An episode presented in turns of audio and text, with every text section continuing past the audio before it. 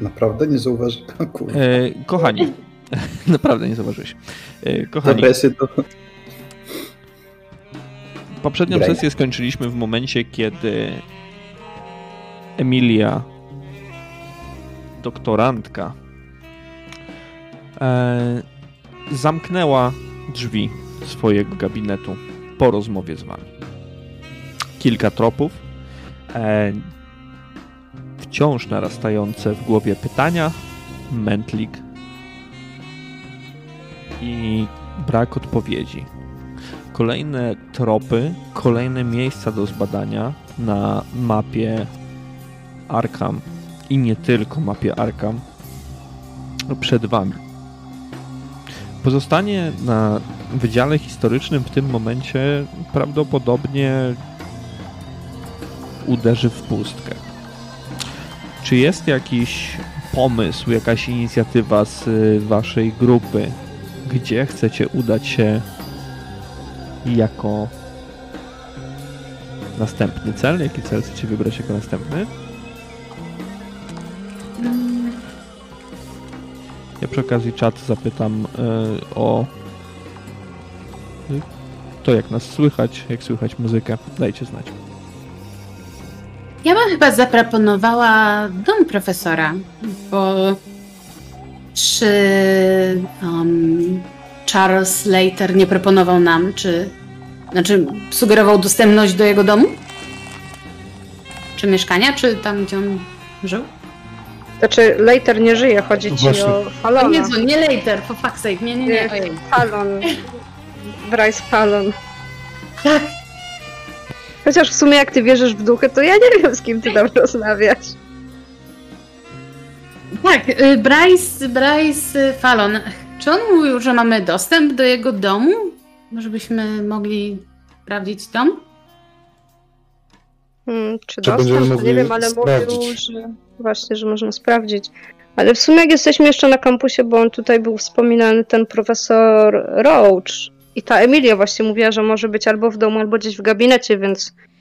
No i ten Finders, ten e, studenciak, co się chciał wkręcić do, do ich zespołu na miejsce Emilii, też może gdzieś się tu kręcić, więc może jak będziemy wracać, zapytać o tego Roja, czy może jest na kampusie. Jak jest, to przy okazji zapytać, nie? A później do domu profesora bardzo chętnie. Jak nie będzie dostępu, to się go zrobi. Żaden problem. Tylko... No w sumie tu możemy nawet nie pytać i od razu iść do gabinetu y, tego Roja. Pozostaje kwestia e, tylko tego, że jak dowiedzieliśmy się od Emilii, ten Antony Finders był bardzo zaborczy, jeżeli chodzi o kwestie mm, tych badań, które przeprowadzał nasz Denat i... No tak, chciał zgłębić te dokumenty dogłębnie. I pytanie, co się stanie, jeżeli on się dowie, że my węszymy tutaj, że ktokolwiek węszy jakby tą sprawę.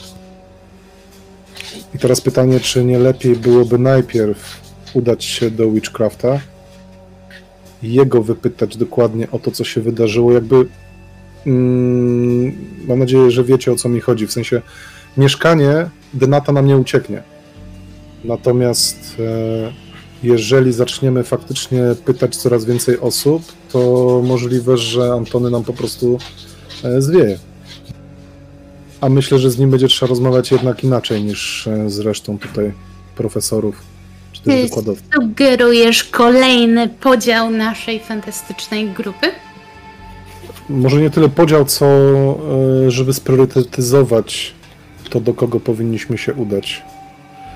No, Whitcroft, z tego co pamiętam, miał iść na, na wykład. Jak wracaliśmy z tej piwnicy, pamiętasz, mówił, że idzie na wykład. Eee, Więc... ja przepraszam, nie Witchcraft, tylko chodziło mi oczywiście o um, Roja. Roja? No tak.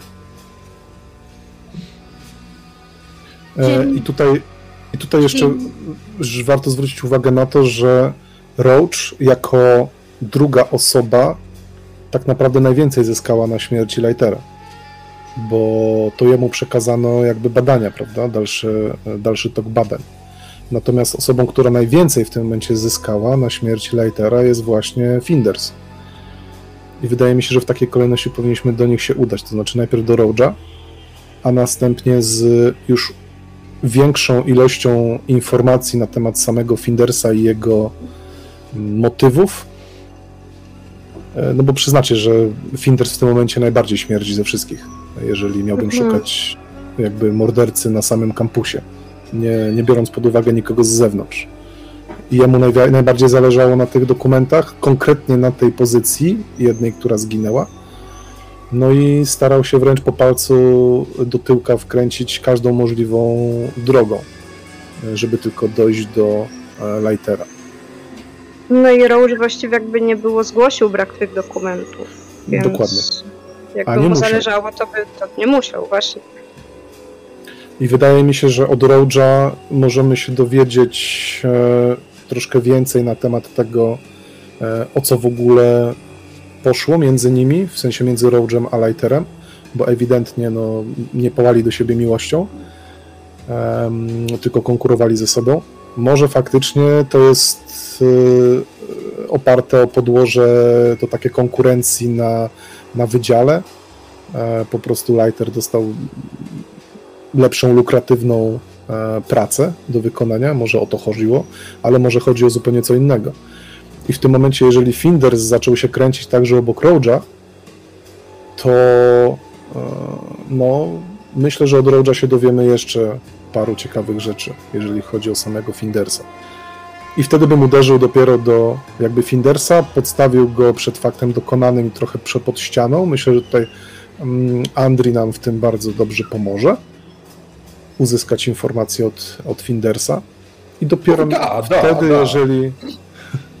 I dopiero wtedy, jeżeli faktycznie będzie nam jeszcze czegoś brakowało, myślę, że możemy się udać do, e, do mieszkania. Ale oczywiście jestem otwarty na wszelkie propozycje. No ma to sens. A, właśnie. Y, Tereso? Hmm? biorę ją troszeczkę na bok i mówię ciszej. Um, podwędziłam notes. Profesora. Notes. Profesora. Notes. Y Profesora okay. A, a, aha. Różne y jego notatki, zapiski wydatków, więc ewentualnie można byłoby go przeanalizować i czegoś się dowiedzieć. Okej. Okay. A nie przeglądałaś go? Nic nie ten? Mm, nie okiem, ale jakby no nie oszukujmy się z naszej dwójki, to ty lepiej go ogarniesz. No to pokaż to, co to tam jest. Przekazuję notę z Teresie. Mhm. Otwieram, przeglądam, patrzę, czy jest może coś, nie wiem, wyróżnione, nie wiem, podkreślone, czy coś może się wyróżnia, albo czy to są same jakieś e, rachunki, czy coś może jeszcze. E, dobrze, będę potrzebował od ciebie testu księgowości albo korzystania z bibliotek, ale korzystanie z bibliotek z kością karną. Ta księgowość. Dobra. No mam chyba większą, tak. Mm. Aj, 5 zabrak. Obniżę o 5. Dobra, ale nie zaznaczasz w tym przypadku, jeżeli obniżasz. Mhm, tak, wiem. Dobra.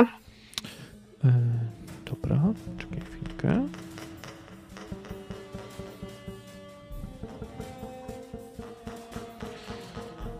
Przeglądasz e, notatki, bazgroły najczęściej jakieś mm, profesora Leitera, często opisują one pseudoskrypty notatek dla studentów, są tam zapisane jednak jakieś drobne wydatki. E, uczelniane, co prawda, ale e, to, co rzuca ci się w oczy od razu, to y, po pierwsze jest tam jakaś jest tam jakiś szacowany koszt wymiany zamków mhm. i koszty dwóch podróży do Atlantic City w czerwcu i w sierpniu tego roku.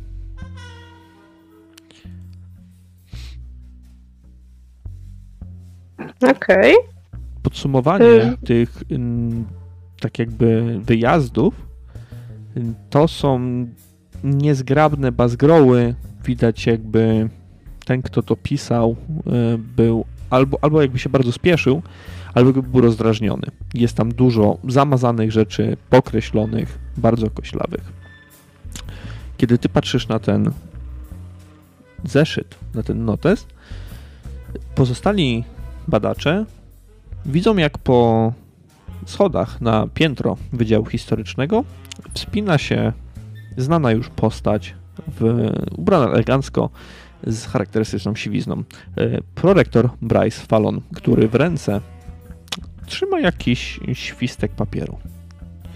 O, cieszę się, że Państwa spotkałem. Nie spodziewałem się, że tak szybko ruszycie do pracy. To bardzo, bardzo dobrze. E, no i jak tam? Są jakieś e, efekty? Muszę się czymś z Państwem podzielić. I, w tym momencie Andri, e, ja z racji tego, że gdzieś tam w tym półświadku wiedział, że nie wszystkie informacje trzeba od razu wyciągać, nie wszystkie karty pokazywać, stanął tak, żeby stać jak najbliżej profesora, no bo nie do końca wiedział, czy reszta towarzyszy chciałaby, żeby profesor dostrzegł, że mamy notes, więc ustawił się w taki sposób, żeby gdzieś swoim ciałem zasłaniać e, dziewczyny, które gdzieś tam notes przeglądały, z taką intencją, że jeżeli będą chciały mu powiedzieć, no to pokażę. Jeżeli nie, no to on postara się, postara się gdzieś tam ukryć, te, ukryć ten fakt. No, profesorze, witam i podaję rękę e, profesorowi, żeby się przywitać. Profesor naturalnie także ściska rękę Andrzeja, wyciąga e, rękę w stronę Tila. Ja oczywiście też ściskam rękę. Dosyć stanowczo. Nie jakoś super mocno, ale stanowczo. Muszę się Państwu do czegoś przyznać, jeszcze zanim przejdziemy do poważnej rozmowy. Chociaż tutaj na korytarzu może powinniśmy uważać e, na słowa. Nigdy nie wiadomo, kto podsłuchuje. E, muszę Państwa przeprosić, ponieważ e, przez roztargnienie niestety skłamałem Państwa. Jak się ta knajpa nazywała? W kwieci, kwiecie Ameryki, tak? Tam, tam się spotkaliśmy, prawda? Dokładnie tak. To powinno być coś istotne, powinno być ważne, a może wyglądać na moje zaniedbanie. Może to te nerwy. Przez omyłkę powiedziałem Państwu, że, że profesor Leiter zmarł tydzień temu. To bzdura. Nie wiem, czy zdążyliście już Państwo porozmawiać z e, doktorem Hitchcroftem, ale e, zmarł dużo wcześniej. 24 września. Nie wiem, nie wiem, co mnie, co mnie zaćmiło, że powiedziałem, że było to, to tydzień temu. Za dużo nerwów, za dużo nerwów. Wybaczcie, wybaczcie Państwo. Czy, czy my stoimy w tym momencie właśnie na korytarzu, czy gdzieś tak, wyszliśmy? na korytarzu, na korytarzu. Stoicie przed y, gabinetem Lightera. To może w, skoro naprzeciwko znajduje się gabinet Suzy i możemy przypuszczać, że... Przepraszam, Emily. I możemy przypuszczać, że no przynajmniej raz starała się E, gdzieś tam dostać do tego pokoju Leitera, e, to chciałbym zagarnąć profesora ramieniem, mhm. jak starego, dobrego przyjaciela, natomiast właśnie mm, popchnąć go trochę w kierunku tego pokoju e, Leitera, tak żebyśmy jednak zeszli z, z korytarza. Dobra. I chociaż może nie będę metagimingował, no, po prostu chcę z nim porozmawiać, no nie na korytarzu. Oczywiście, nie ma, nie ma problemu. Chcesz z nim wejść do gabinetu Lightera? E, tak, i właśnie w momencie, kiedy go zagarniam mm, tym ramieniem, e, może faktycznie, panie profesorze, e, prorektorze, lepiej będzie zejść z korytarza. Jak wiemy, ściany mają uszy, a ta sprawa jest dosyć delikatna, więc może faktycznie lepiej byłoby, żeby o jakichkolwiek szczegółach naszego dochodzenia e, wiedziało jak najmniej postronnych osób. M może to racja, tak. Dobrze. Wejdźmy po prostu tutaj. On wchodzi do środka. Jesteście w tym pomieszczeniu znanym już wam. Mm, kolejna osoba to odpowiednio mniej miejsca. Oczywiście obstawiam, że Andrzej będzie zamykał ten pochód.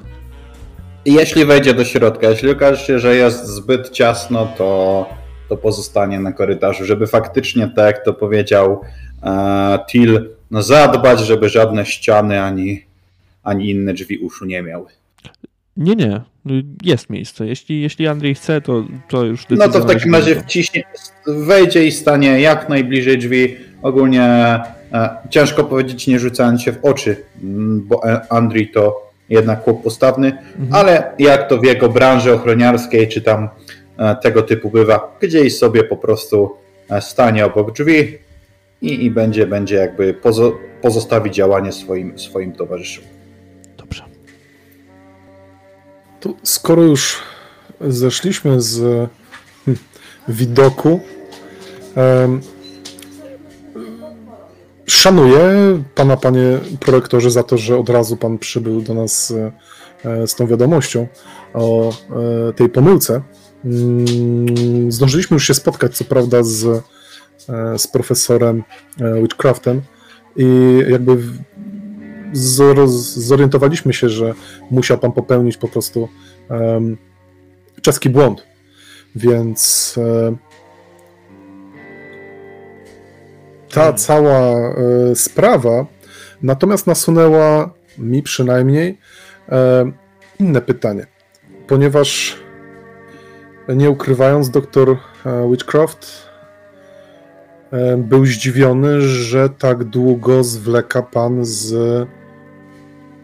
kolokwialnie mówiąc, e, nie uwłaczając oczywiście mm, profesorowi Leiterowi i, i pamięci o nim, ale z, usunie, z pozbyciem się e, zwłok. Można znać powód? Tak, myślałem, że wyraziłem się jasno, kiedy spotkaliśmy się wczoraj. Ta sprawa. Ta sprawa mnie bardzo gryzie i. Nie wiem. Nie wiem, co tak naprawdę się wydarzyło. E, chciałbym wierzyć jak najbardziej w to, co mówi dr Witchcroft, e, w ten silny atak. Ale coś, coś z tyłu głowy wciąż wciąż mówi mi, że to jest, za tym stoi coś większego, jakaś większa tajemnica. I dlatego może nie powinienem, może jak tak patrzę na to, ile czasu już minęło, może macie Państwo rację. E, profesorowi, profesorowi Leiterowi należy się pochówek. W przeciągu kilku dni w przeciągu kilku dni zostanie on pochowany, tak sądzę. Rozumiem, że Państwo widzieliście już e, ciało profesora, tak? E, tak, tak, widzieliśmy. Szczerze, I szczerze przyznam, że nie było to e, przyjemny widok. Natomiast jak najbardziej potwierdzę. E, oczywiście na tyle, o ile zna, z, znamy się i możemy liczyć na, e, na wiedzę mm, tutaj e, pani Teresy Dorman, wiedzę medyczną.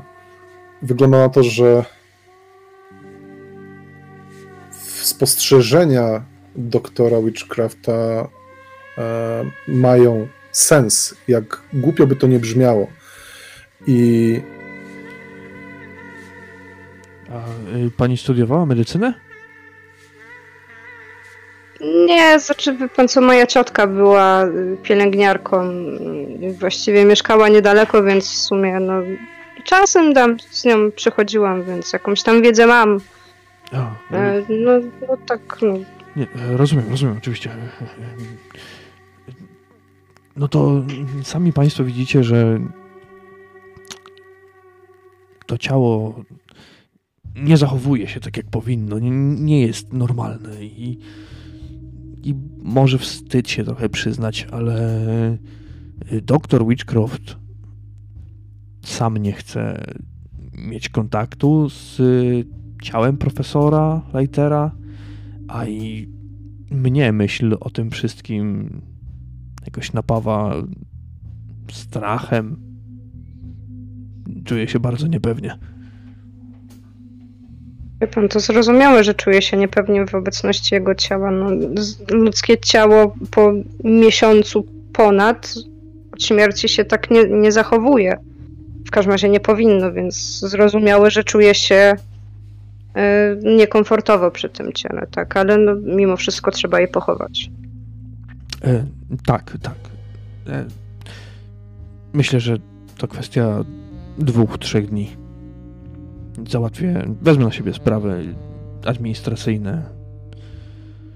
Trzeba będzie poszukać jakiejś rodziny, ale w sumie muszę się przyznać też do tego, że profesora Leitera nie znałem prywatnie, więc wysłaniem jakiejś poczty zajmie się administracja uniwersytetu. A, jeśli o poczcie, o poczcie mowa, widzicie, że prorektor ściskał w ręce już trochę ten papier, który miał. Papier okazał się być y, kopertą. Profesor Fallon, prorektor, wyciąga rękę, tak jakby na środek, nie chcąc faworyzować nikogo, i ten, kto pierwszy sięgnie, ten y, zabierze ten świstek. Kto stoi najbliżej? To już jest jakoś... dla was. Kto chce... To korzystając z tego, że towarzysze są niezdecydowani, Andrzej podchodzi i zgarnia swoją dużą łapą kopertę. Dobrze. E, prorektor spogląda tylko na Andrzeja. E, proszę, może pan e, przeczytać. I otwieram, otwieram ją od razu przy, przy wszystkich, żeby nie było, że chcę ją dla siebie zgarnąć po prostu taki, że tak powiem, tik zawodowy.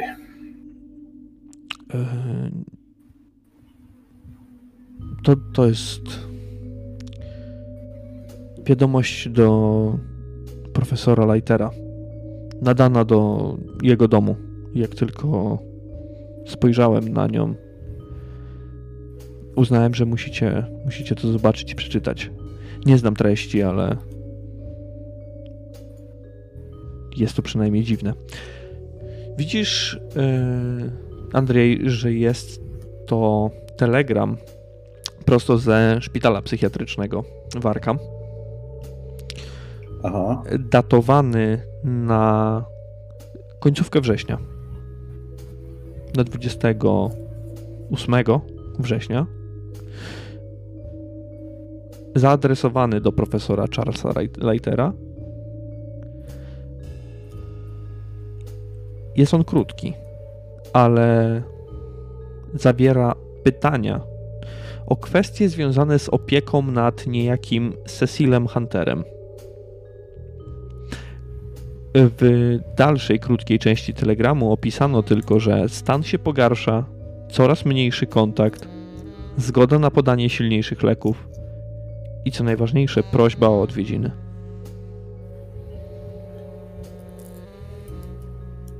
Podaję, jak przeczytałem i przeczytałem to głośno, e, podaję e, tą kartkę razem z kopertą e, panu Tillowi, natomiast do profesora zwracam się pan Cecil?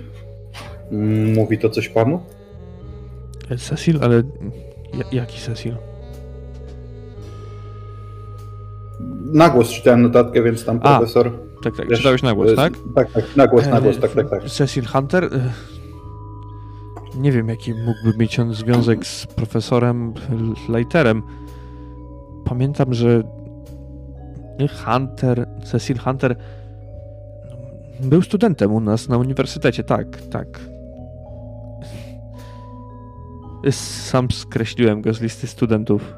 E, powód to, jak określali wykładowcy, skrajne zdemoralizowanie. Pan to rozwinąć? Dokładnie właśnie o to chciałem, chciałem zapytać. No, wiecie Państwo, jak to wygląda przy studentach. Wieczne imprezy, ale to nie tylko, bo podobno e, w grę wchodziły zakazane używki, handel nimi, obrót na terenie kampusu, namawianie do różnych dziwnych wydarzeń, ekscesów. No, długo by mówić. Od typowy zdemoralizowany jegomość z prowincji.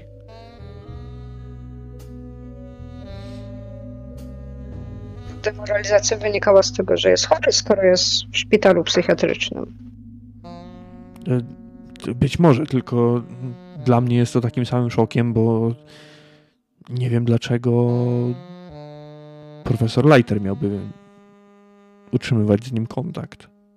Właśnie miałam zapytać, czy wie pan o jakichkolwiek relacjach z tym nie, profesora i studenta? Ten telegram powiedział mi tyle, co i państwu. Jedyna różnica jest taka, że mniej więcej pamiętam tego studenta.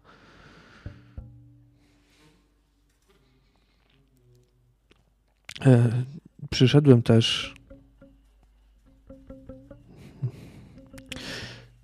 Liczyłem na spotkanie z Państwem, ponieważ e, wczoraj wieczorem po naszym spotkaniu dostałem informację i bardzo niepokoi mi kwestia zabezpieczenia dokumentów. Wiem, że macie Państwo, że dopiero zaczęliście swoją, swoje śledztwo, ale sytuacja między rodziną Kobów a uniwersytetem może się jeszcze bardziej skomplikować, jeśli nie odzyskamy w miarę szybko dokumentacji. Rodzina Kobów zawarła niejako umowę z naszym uniwersytetem na ocenę i segregację dokumentów z biblioteki Hobhouse'a, o czym już pewnie wspominałem. E, Joshua Hobhouse był ostatnim z rodu. Umarł w lutym w swojej posiadłości pod Arkham.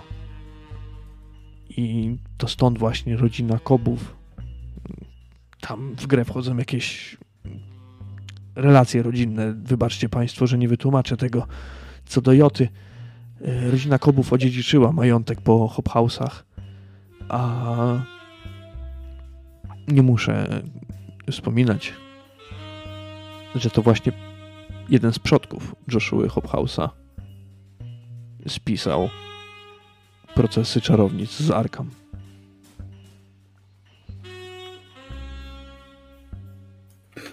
Czyli tutaj wchodzą mi sprawy rodzinne. E, I w tym momencie Andrzej trochę się zamyślił, bo na wschodzie, mimo że powiedzmy akurat jego rodzina do takich najbardziej, a może właśnie należała do dosyć szablonowych wschodnich rodzin, takie rzeczy jak właśnie jakieś e, honor rodziny, czy, czy więzy rodzinne, czy, czy właśnie jakieś pozostałości z, z przeszłości, czy związania ludzi właśnie w tych najmniejszych grupach społecznych no, były bardzo silne, więc pokiwał tylko, tylko głową ze zrozumieniem i zaszył gdzieś się dalej w swoich, e, w swoich rozmyślaniach, wrócił gdzieś myślami do, do rodzinnych stron. Mam nadzieję, że jeszcze bardziej nie, nie zagmatwałem sprawy, ale chciałbym być szczery z Państwem i liczę na to samo w drugą stronę.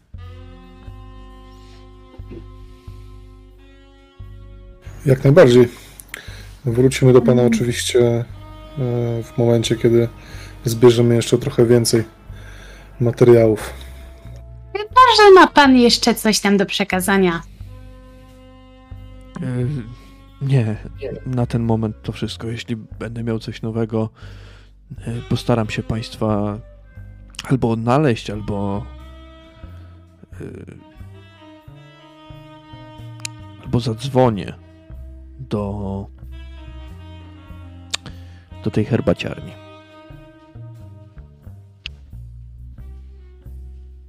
No, a może nam pan powiedzieć, bo wie pan może, gdzie znajduje się profesor Reiter w tym momencie? Reiter nie żyje. Znaczy, y, znaczy nie Reiter, tylko... Roach? Roach? Roach, no. E, profesor Roach powinien y, uczestniczyć w zajęciach jak najbardziej. E, także tutaj gdzieś na, na, tym, na tym wydziale. A jeśli, jeśli ma dzisiaj wolne, y, no to poszukałbym e, w okolicy miasteczka uniwersyteckiego, tam gdzie są różne domy i mieszkania przeznaczone dla pracowników. Jednym, w, taki, w jednym z takich domów mieszkał e, nasz nieboszczyk.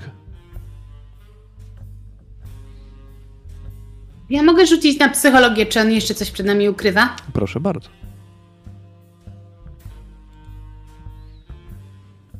Ech, nie nic. wiesz, nie wiesz po prostu. Nie jesteś w stanie nic z tego mężczyzny odczytać. On zachowuje się tak samo przez cały czas. A czy ja mogę spróbować? Ostatnio mi mm, dobrze poszło. Dobrze, a co byś, co byś, co byś chciał? Byś chciał No jakby, bo Andrzeja zastanawia to, Mhm. mm, że profesor mm, nie, nie miał powiedzmy wcześniej zbyt dużo do czynienia z ludźmi nauki, ale na, na pierwszym spotkaniu profesor powiedział, że tak, dosyć istotna sprawa dla uczelni e, i tak dalej, i tak dalej. Natomiast Andrzej ma takie wrażenie, że profesor trochę zbyt zbyt mocno, czy, czy jakby no zaangażował się nawet nie tyle służbowo, ile właśnie personalnie, więc, więc chciałbym, chciałbym to na, na tą powiedzmy psychologię właśnie rzucić, czy, e, czy faktycznie gdzieś tam w tym zachowaniu jestem w stanie dostrzec jakieś takie z, angażowa, zaangażowanie idące dalej niż stricte zawodowe. Nie wiem, czy dobrze. Dobrze, dobrze, dobrze, oczywiście. Proszę bardzo, rzuć.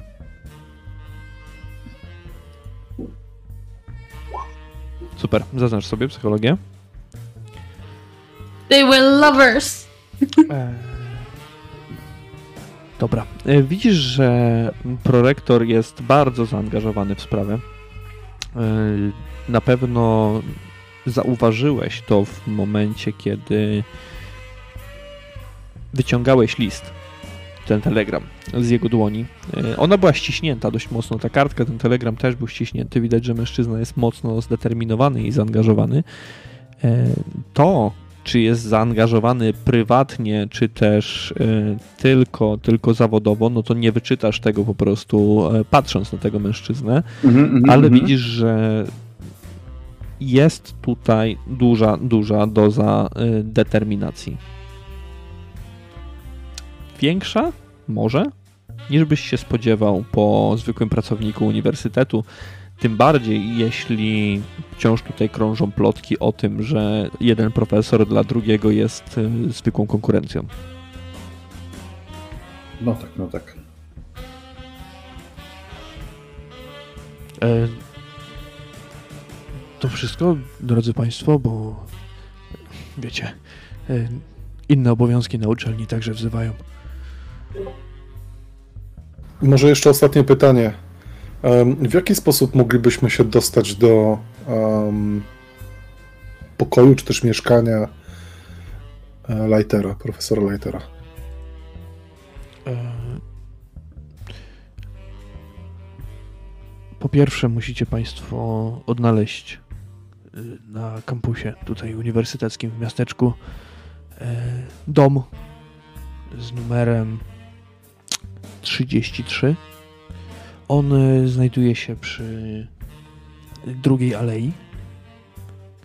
Aha, bardzo dobrze że Państwo pytacie, ponieważ e, jako prorektor sam na początku wydałem jako tako polecenie profesorowi Roachowi na zbadanie e, domku profesora Lightera, więc e, to ja mam klucze. Jeśli jesteście zainteresowani, mogę wam je wydać w każdej chwili. O, to poprosilibyśmy może korzystając z tej okazji, jeżeli tak się właśnie widzimy, a po prostu w momencie, kiedy skończymy, to odniesiemy klucze E, Byłbym e, bardzo do wdzięczny. własnych. On chwilę grzebie w kieszeni wewnętrznej swojej marynarki, po czym wyciąga wam e, pęk kilku kluczy. Raptem trzy klucze, podobne do siebie. E, na małym breloczku napis 33.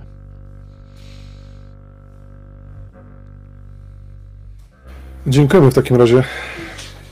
I jeżeli reszta nie ma żadnych pytań, to myślę, że możemy się spokojnie rozstać w tym momencie. Na te słowa Andrzej otwiera drzwi. Zastanawialiście się Państwo może o co chodzi z tym lustrem? Rzuca nagle prorektor, kiedy Wy jesteście w połowie drogi do wyjścia. Widzicie, że on Andrzej stoi i drzwi. spogląda się na te rozbite lustro. Andrzej, zamknąłeś drzwi przed nim? To znaczy, no bo zasadniczo to jest tak, że on, skoro on zaczął temat lustra, no to Andrzej już nauczony tym, że może nie, nie wszystko należy zbyt głośno poruszać, więc zamykam drzwi. E, no i ja to widzę w ten sposób, że Andrzej otworzył drzwi, usłyszał, co mówi prorektor i zamknął drzwi po prostu. I zamknął drzwi, dokładnie. Andrzej, no jako człowiek, który gdzieś tam pracował, powiedzmy, jako gdzieś tam bodyguard jakiś szyf, no to też i to było w jego obowiązkach. Otwieranie drzwi swoim, szefom, więc tutaj Tik wziął górę, kiedy profesor, kiedy Till i profesor, powiedzmy, zakończyli rozmowę, więc chciał wszystkich wypuścić. Natomiast kiedy usłyszał, że znowu pojawia się taki temat, powiedzmy, nie nadający się do publicznej wiadomości, to zamknął, e, zamknął te drzwi. E, po, podszedł, przyjrzał się jeszcze raz lustru, no i podzielił się tym, co udało mu się jego technicznym okiem spostrzec dnia poprzedniego. Przy okazji trochę taki podbudowany tym, że może przed profesorem, no bo jednak na wschodzie w Rosji, gdzie się wychował, profesorzy to byli ludzie jakby no, najwyższych, najwyższych kręgów. E, chociaż jak wszedł komunizm, to powiedzmy już trochę i mniej, natomiast jak wszedł komunizm, jak gdzieś tam, gdzieś tam te komunistyczne zapędy, e, natomiast, natomiast tutaj też trochę e, może się mu e, pan nie uda zaimponować taką fachowością, więc mówi, no, drogi profesorze, jeśli profesor, profesor się przyjrzy, może dostrzec, że krawędzie lustra są e, jakby stopione. Natomiast na ile mówi mi to mój Mm, techniczny wzrok i na ile moja wiedza mm, na temat narzędzi e, bardzo ciężko, a w zasadzie niemożliwe by było, żeby stopić lustro bez uszkodzenia jego innych części, jego ramy, jego tyłu, bez uszkodzenia ściany. Nie spotkałem się jeszcze z takim narzędziem i jest to bardzo, bardzo dziwne. I w tym momencie Till się wtrącę. Mhm. E, muszę się tutaj nie zgodzić z, z moim e, towarzyszem. Mm, szczerze przyznam, że nieraz widziałem w antykwariatach e, lustra, które przy procesie ich wytwarzania e, właśnie miały na sobie ślady takich wad fabrycznych, tak to nazwijmy. E, natomiast no, ewidentnie jest to, e, jest to jakiś element, który możliwe, że posłużył podczas e, przepychanki, czy też walki z tym kimś, kto zaatakował profesora Lightera i dlatego lustro zostało rozbite. Natomiast jest to faktycznie element, nad którym jeszcze musimy się pochylić. I w momencie, kiedy prorektor, nie wiem, może zwróci uwagę na to lustro. Chciałbym do Andrzeja puścić oczko. Mhm. Właśnie. E, mamy tutaj dwie rozbieżne koncepcje, panowie. I, i panie. przepraszam, przepraszam, przepraszam, że wtrącę swoją koncepcję, bo ja uważam, że to nie jest przypadek, że lustro znajduje się naprzeciwko biurka pana profesora. I ten w momencie, kiedy wstawał, przestraszył się własnego odbicia, krzyknął i lustro pękło. I co, i dostał zawału? To tak to tłumaczysz? No, można się przestraszyć na śmierć? No, ale to w taki sposób, że gałki oczne ma jakby, nie wiem, wypalone, żyły na wierzchu, ręce zaciśnięte. No, mi to nie pasuje. Może to było drogie lustro. I stłuczenie takiego lustra powoduje zawał. jak sam pan widzi, panie prorektorze, jeszcze nasze śledztwo jest dosyć, e, dosyć młode, stąd e, te różnice w zdaniach. Natomiast na pewno, kiedy zbierzemy więcej poszlak, czy też e, mm, informacji na temat tego zajścia, na pewno uda nam się wykrystalizować jakąś wspólną teorię na ten temat. Jak najbardziej, nie będę Państwa zatrzymywał, oczywiście. Wiem, że minęło już mało czasu. Po prostu tak się zastanawiam. E, e, chodźmy może. E, panie, panie Andrzeju, jak pan mógł otworzyć drzwi, bo tu trochę ciasno. No jeszcze to byśmy chwilkę zostali. Proszę bardzo, no ja tylko muszę udać się. Obowiązki wzywają. Więc Andrzej podchodzi do drzwi mhm. i otwiera je profesorowi. Profesor wychodzi na zewnątrz, kłania się wam i schodzi. Andrzej zanim zamknie drzwi, jeszcze wygląda na zewnątrz, rozgląda się na prawo, na lewo i zamyka drzwi. Jak tylko zamykasz te drzwi, to ja do ciebie podchodzę i po prostu cię tak delikatnie piąstkami uderzam. Czy ja muszę z siebie robić kretynkę i gadać takie głupoty, a ty mu wszystko mówisz. A no właśnie. Um, i tutaj muszę y, się wytłumaczyć, to znaczy, czy nie wydaje wam się dziwne, że prorektor przeinacza, czy też jak on to określił, ze względu na zmęczenie, czy też całe, całe, całe to zajście, praktycznie o kilka tygodni, dwa tygodnie, dwa, trzy tygodnie myli datę znalezienia ciała ja się tylko wtrącę, zdaniem... ja się tylko wtrącę. Andrzej, rzuć sobie mhm. na kondycję i mów dalej, Tilman. Moim zdaniem to wcale nie było przeoczenie, natomiast Super. próba wprowadzenia nas w błąd, bądź też po prostu zatajenia pewnych faktów.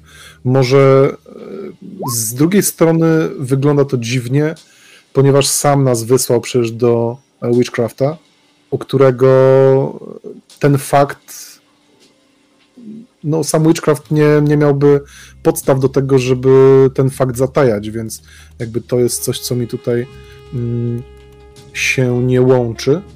Natomiast jest to faktycznie no, zadziwiające, że ktoś o tak ważnej, e, ważnej kwestii po prostu zapomniał, czy też ją e, przeinaczył. Przeinaczył. I miałbym e, miałbym podejście do wszystkich, którzy są, którzy mogą być wręcz zamieszani w tą sprawę, czyli tak naprawdę do całej kadry e, nauczycielskiej, czy też, e, czy też wykładowczej na kampusie. Tak naprawdę do wszystkich jednak ograniczone zaufanie i kolokwialnie mówiąc, sprzedawałbym im tylko e, jakieś pomniejsze informacje. Natomiast do momentu, kiedy faktycznie nie znajdziemy jakichś konkretnych poszlak wskazujących faktycznie na, na kogoś, kto mógł być w to zamieszany, to praktycznie nie dzieliłbym się z nikim jakimiś ważniejszymi odkryciami. A już zwłaszcza takimi e, jak to, i wskazuje w tym momencie to lustro. W ogóle Albo podawać na przykład dziwi was... błędne informacje. Dokładnie. Może nie tyle błędne, co po prostu takie, które chcemy przekazać, albo, no, albo które mogę mogłyby... takie, takie informacje, takie jak przed chwilą zademonstrowałam, przekazywać. No właśnie widzę, widzę i słyszę, Sofii, że, że jesteś idealną osobą, jeżeli o to mhm. chodzi. E, co więcej, E, dziwi mnie to, że sam prorektor jakby zwrócił uwagę na ten konkretny szczegół. E, to oznacza, że musiał się dobrze rozejrzeć po, um, po tym pokoju, a też o tym nie wspominał, e, gdyż no jakby to nie jest coś, co od razu rzuca się w oczy, prawda? Tu trzeba spędzić trochę czasu jednak w tym pokoju, żeby się rozejrzeć, żeby żeby na taki detal zwrócić uwagę. Więc to jest kolejna rzecz, która. E, Przepraszam, o jakim detalu która... mówisz? E, o tym. Mm, o tym lustrze, o tych przepaleniach. O tym lustrze, o, tym, o, tych, o tych przepaleniach, czy też pofałdowaniach e, tego lustra. Słyszycie głośne łupnięcie w drzwi, po czym Andrzej upada na ziemię. Mhm. Andrzej, Andrzej zrywa się na równe nogi? Czujesz ogromny, czujesz ogromny ból w głowie, taki paraliżujący. Nie jesteś w stanie otworzyć tych drzwi. Łapiesz za klamkę, ale tylko on, to ciągnięcie za klamkę pozwala ci się utrzymać jako tako na kolanie. Więc chwieję się. Tak trzymam się tej klamki, łapię się drugą ręką za głowę, później puszczam klamkę i tą ręką, którą trzymałem klamkę, podpieram się ziemi tak, przechodzi. No, asekurując się, żeby nie upaść i przechodzi. Moja głowa i w tym momencie, jak przeszło, tak się tylko otrząsuje i nie mam pojęcia, co to było. Ripley, Ripley od razu, jak tylko e, Andri upadł na podłogę i stara się gdzieś tam wgramolić z powrotem na nogi, e, Ripley jak, e, jak zaprogramowany łapę w kieszeń, tam gdzie trzyma e, pistolet i rusza w stronę drzwi, tak żeby jak najszybciej sprawdzić, kto znajduje się na korytarzu. Dobrze. Otwierasz drzwi? Tak, staram się przynajmniej. Z pistoletem? Rękę trzymam cały czas w kieszeni, w kieszeni. to znaczy nie wyciągam pistoletu na zewnątrz. Nie Otwierasz... chciałbym, gdyby to będzie znowu na przykład e, nasza E, przyjaciółka z naprzeciwka, nie chciałbym jej wystraszyć. Otwierasz drzwi i widzisz, że po korytarzu, jak gdyby nigdy nie przechadzają się studenci, e, rozmawiają ze sobą. Jakby nic się nie wydarzyło. Okej, okay. to w takim razie odwracam się do środka. Tereso, Sofii, jeżeli mogłybyście zająć się Andriem, a ja po prostu zostanę już na zewnątrz żeby nikt tam nie przeszkadzał. I przy... wychodzę i domykam te drzwi, ale tak, żeby ich nie zamknąć do końca, tylko żeby została jakaś tam delikatna szparka, tak żeby ewentualnie e, słyszał, co się dzieje w środku, albo oni, żeby, żeby słyszeli, co się dzieje na zewnątrz. Po prostu. Oczywiście. Podchodzę do Andrzeja, Andrzejewa, i, ale zostawiam raczej tą robotę Teresie. Lepiej się zna, bardziej się zna. Chodzę i pokaż tą, tą głowę. Dostałeś znowu w to samo miejsce? Co wtedy? Jesteś w stanie określić? Boli cię e, jeszcze? I tutaj Gołotajew. Nie było żadnego uderzenia. Chciałem otworzyć drzwi i kiedy złapałem za klamkę, poczułem znów nieznośny ból głowy, który po prostu rozsadzał moją czaszkę. Bardzo rzadko zdarzało się, żeby ciosy przeciwnika powalały mnie na podłogę, a co dopiero jakiś ból głowy. Andrzej jest trochę na siebie zły, że tak no, trochę tak się.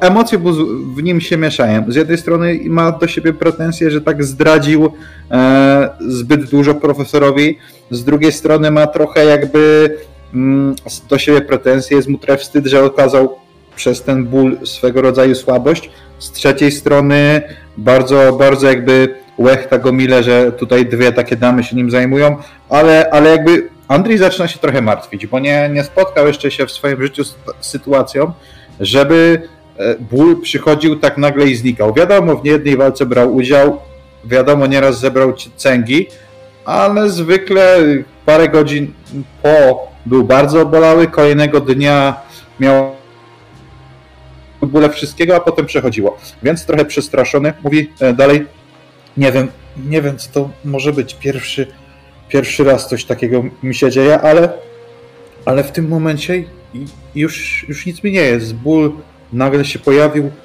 i nagle zniknął. No i tak stara się wyprostować, porozciągać głową, strzelić kręgami w szyi gdzieś tam i no już, już nic mnie nie boli. Hmm, mówisz pierwszy raz, ale drugi raz w tym pomieszczeniu, zauważ. Sofii, ty się tam duchami interesujesz. Masz na to jakąś teorię? Może duchy jakieś tu straszą? No, ja... znowu jakieś łamatanie? No jak słyszeliśmy, jakby ktoś tu biegał i uderzał i... Czy ja mogłam zauważyć, że on zaczął się gorzej czuć i jak on złapał za pieniądze, czy nie? Graj.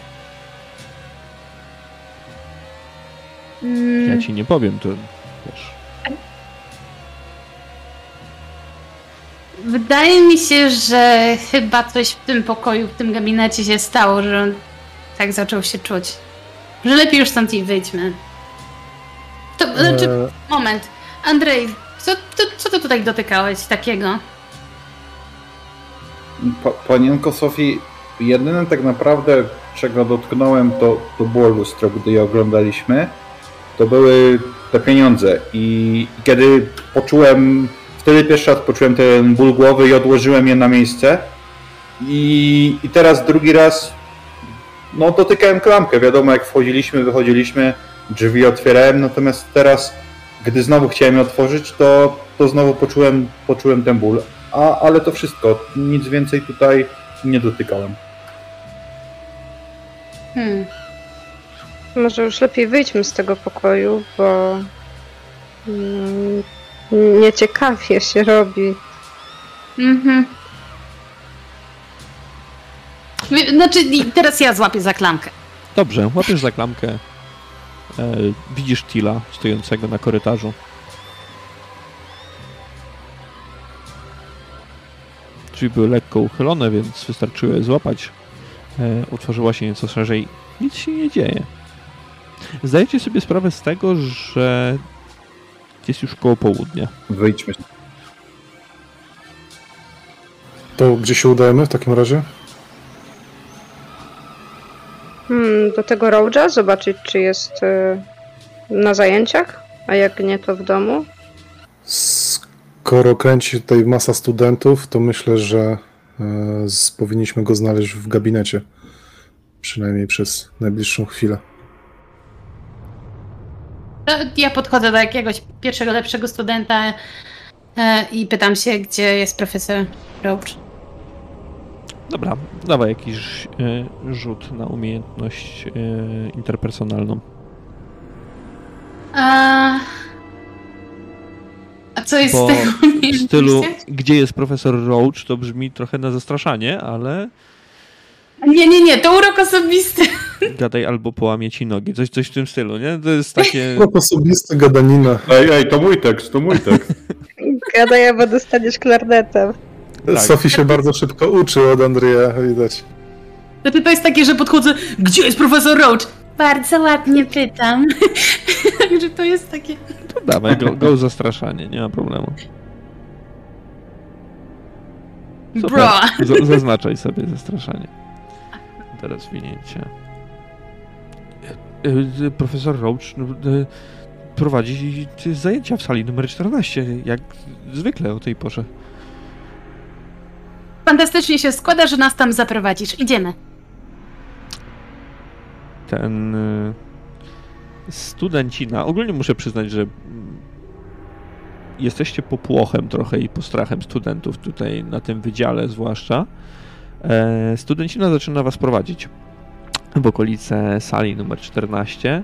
E, zatrzymuje się dopiero po jakimś czasie, parę minut zajmuje wam przejście przez e, wydział historyczny ten wydział jest całkiem inaczej urządzony niż szkoła medyczna, w której byliście. Jest tutaj zdecydowanie przyjemniej, są tutaj jakieś e, odkrycia archeologiczne, są powieszone na ścianach obrazy, jakieś elementy zbroi, broni różnych. E, marchewka jest obrócona pionowo i znowu poziomo. Teraz jest dobrze. Telefon miał. E, Zatrzymujecie się przed typową, typowymi drzwiami, nieco przeszklonymi do sali. E, są zamknięte, ale ze, ze środka słychać głosy. Słychać rozmowę studentów, słychać e, głos e, wykładowcy. E, profesor jeszcze prowadzi zajęcia przez jakieś 15 e, minut. Trzeba poczekać. Dobrze, dzięki.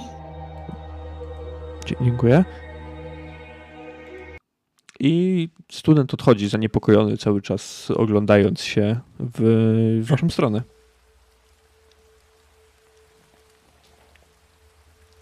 Chyba się ciebie Andrzej przestraszył. Ach, panienko Sofii, jakbym ja miał z panią taką rozmowę, sam bym się przestraszył. Tutaj trochę odbijam pyłeczkę, ale skoro mamy 5 minut, przyszły mi do głowy dwie rzeczy. Jeśli państwo y, mają ochotę, opowiem wam jedną historię i podzielę się jednym spostrzeżeniem.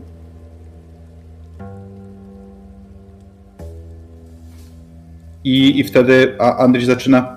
Mm, czy nie uważacie, zacznijmy od spostrzeżenia. Czy nie uważacie, że profesor tak się rozgląda, czy nikt ich nie podsłuchuje treściwym głosem? Czy nie uważacie, że profesor mm, trochę zbyt mocno angażuje się w tą sprawę? Zauważyliście na pewno, jak ściskał to pismo. Nie otwarł go samemu, tylko szukał nas. E, tak naprawdę, o ile mi wiadomo, tutaj na uczelniach to między profesorami to bardziej, bardziej jest jakiegoś rodzaju rywalizacja, a, a on, no nie wiem, po mojemu to zbyt, zbyt mocno angażuje się w, w to śledztwo, jak na kogoś, kto po prostu z władz, z okazji, przez władzę uczelni został przydzielony do zajęcia się tematem. Natomiast mam też wrażenie, że, że coś przed nami ukrywa. E, tutaj pan Til poruszył bardzo, bardzo trafnie temat e, tego, jak profesorowi mieszają się pewne fakty, jak podaje, jak podaje dziwne i, i jakby no, sprzeczne informacje. Przypomniała mi się pewna historia z mojego życia. Umawiałem się kiedyś e, z pewną, z pewną sprzątaczką hotelową. E, wysyłaliśmy do siebie, poznałem ją przez anons w prasie, wysyłaliśmy do siebie telegramy i kiedy mieliśmy się spotkać, ona wysłała mi telegram z samego, e, z samego już tak naprawdę dworca, gdzie, gdzie napisała, że zbytnio się stresuje i jakby nie spotkamy się i powiedziała, żebym, żebym to ja do niej przyjechał. Kiedy ruszyłem w drogę e, i byłem już prawie na miejscu, e, dojeżdżając e, na dworcu zaczepił mnie pewien jegomość, przekazując mi wiadomość, że owa dama niestety nie chce już ze mną utrzymywać kontaktu. Co więcej, adres, który mi podała, jest nieprawdziwy. Wydaje mi się, że podobnie może być z naszym profesorem. Coś przed nami ukrywa i, i na ile znam się na ludziach, a trochę się znam, E, to, że podaje nam takie, nie inne informacje, e, raczej nie, wy, nie wynika z jego roztargnienia, a ile bardziej z tego, że nie wszystko i nie od razu chce nam powiedzieć, no bo fakt wrócił i, i jakby przyznał się do błędu, ale mógł się dowiedzieć, że już rozmawialiśmy, e, że już Państwo też ciało widzieli, więc, więc jakby no, nie jest sztuką przyznanie się do błędu, który, który już wyszedł na jaw. No myślę, że to był główny powód, dlaczego nam powiedział, przyznał się, że złą datę powiedział, skoro już się dowiedział, że i tak wiemy, no to po co ma dalej kłamać, tak? W związku z tym, że mi dobrze wychodzi rozmowa ze studentami, to na początku kiwam głową, mhm, mhm, ale niestety odchodzę od ekipy i gdzieś tam, powiedzmy bez słowa, idę i szukam jakiegoś studenta, again, E, z chęcią zapytania się o Cecilia Huntera. To ja w międzyczasie wyjmuję ten notes i pokazuję chłopakom, e, co tam zauważyłam. Czy prorektor, bo może mi uleciało, wspominał kiedy ten Cecil Hunter... Przyglądam się notesowi. Nie, nie powiedział. Zęszczał? Okej. Okay. Tereso, chcesz to odegrać, czy po prostu pokazujesz, yy, dzielisz się tymi informacjami, które masz? No, to mogę odegrać. Wyciągam ten notes i, i wcześniej powiedzmy, że pozaginałam kawałki stron tam, gdzie były jakieś właśnie ważniejsze informacje i mówię, a y, Sofia dała mi notes, który znalazł profesora i, i zobaczcie, tutaj jakieś tam wydatki uczelniane mało ważne, ale jest też y, pierwsza informacja, pokazuje na ten szacowany koszt wymiany zamków w jego domu. Mm, no teraz pytanie, czy te klucze będą pasować, czy to już dał nam e, profesor te dobre, to też trzeba będzie sprawdzić. I tutaj przeglądam dalej, jak widzicie, o, E, koszt dwóch podróży do Atlantic City, e, datowany na czerwiec i sierpień tego roku. E, ciekawe, co on tam robił. On przyszedł ten list? Jest podpisany? W sensie. Telegram? Telegram? Telegram, dokładnie. Z psychiatryka. Ale gdzie znajduje się psychiatryk? W Arkham. Okej, okay, myślałem, że może w Atlantyce właśnie. Nie, nie, z lokalnego, z lokalnego szpitala psychiatrycznego w Arkham. Mm, I to, co jeszcze zauważyłam, to to, że te notatki, jak widzicie, są dosyć niechlujne i o tu zobaczcie, tu coś zamazane, to tak coś rozmazane, popisane, to jakby się może śpieszył. Nie wiem. Czyli ewidentnie E, Lighter się czegoś bądź kogoś obawiał, inaczej nie wymieniałby zamków. Pytanie, może ta, czy... może ta Lucy będzie mogła nam pomóc, ta, ta kelnerka, ta przyjaciółka jego.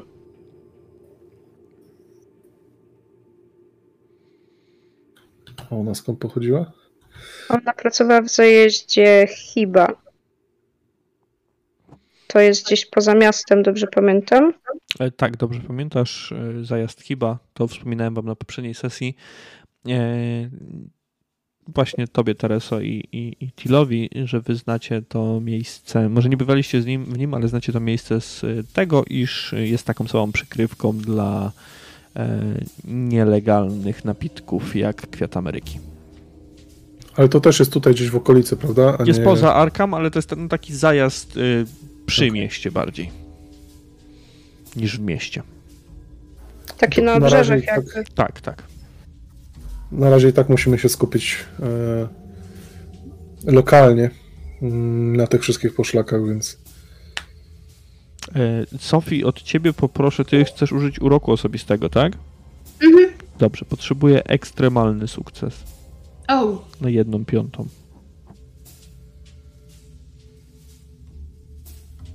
Mhm. E, studenci, których pytasz o Cecila Huntera, kręcą tylko głowami, nie, nie wiedzą o czym mówisz.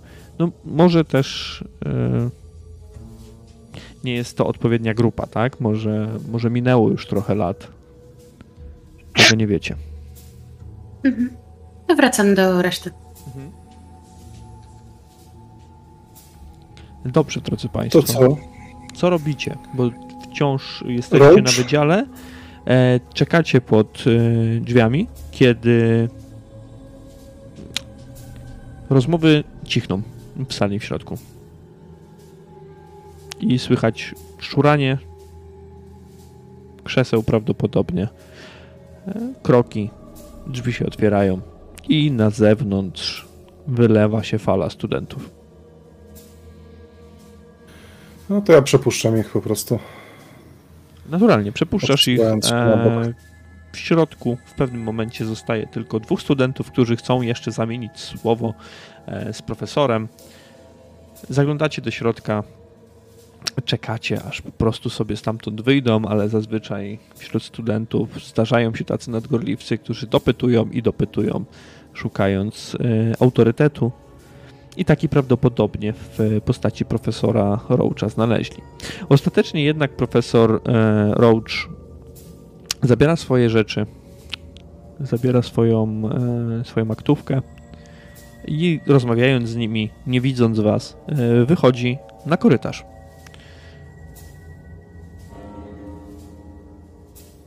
Mija was i rozmawiając z tymi studentami rusza dalej. No to się dobrze składa. Eee, pokazuję Andrzejowi głową na, na, ten, na to pomieszczenie, w którym się teraz znajdujemy i ruszam za Roachem. Dobrze. Ja natomiast. Nas nie zauważył, to. Ja natomiast będę, będę chciał się rozejrzeć. Po pomieszczeniu. To znaczy on was, on was raczej zauważył, tylko po prostu nie zwrócił na was uwagi, bo nie wie, nie wie kim jesteście, od po prostu przeszedł obok was, ruszył z tymi studentami i rozmawiając z nimi idzie przed siebie korytarzem. E, Andrzej, słucham cię. No, chciałem powiedzieć, że w takim razie będę chciał iść za e, wzrokiem e, pana Tina i, i gdzieś rzucić okiem to pomieszczenie. Natomiast teraz pytanie, czy jeśli on faktycznie nie to, że nas nie zauważył, tylko nie zwrócił na nas uwagi, to e, czy, czy my za nim ruszamy, czy, czy, czy niekoniecznie, bo w końcu chcieliśmy z nim porozmawiać. Więc Andrzej zatrzymuje się. Okej, okay, więc jakby Andrzej się zatrzymuje i w sensie nie rusza, tylko też spogląda na, na pana Tila e, i tak e, znacząco pokazuje głową w stronę, w stronę profesora. E... Ramionami chcąc.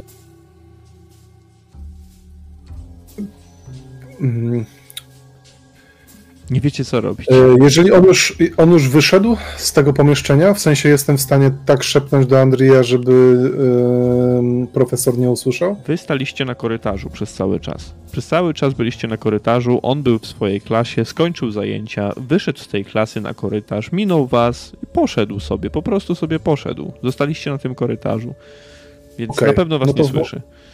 To w momencie, kiedy, w momencie, kiedy faktycznie profesor rusza E, korytarzem, to tak jak wcześniej wskazuje głową Andriowi na pomieszczenie, szepcze do, do niego, rozejrzyj się tam. Po czym um, patrzę na, e, na nasze towarzyszki i tak samo szepce potrzebujemy e, kogoś na czatach i we dwójkę może zagadamy profesora na tyle długo, żeby Andrew mógł się rozejrzeć spokojnie po tym gabinecie. Y, to nie jest gabinet, to jest sala wykładowa. Przepraszam, sala, y, sala wykładowa. Aj, to na sali wykładowej faktycznie może być całe nic. Tutaj, hmm. tutaj był wykład, tak jak mówiłem, on prowadził tutaj wykład, on dopiero teraz ruszył do siebie i ty zauważasz, y, Til, że na końcu korytarza on żegna się z tymi studentami i wchodzi do jakiegoś pomieszczenia. O, no ale to i tak czasu nie zmarnowaliśmy.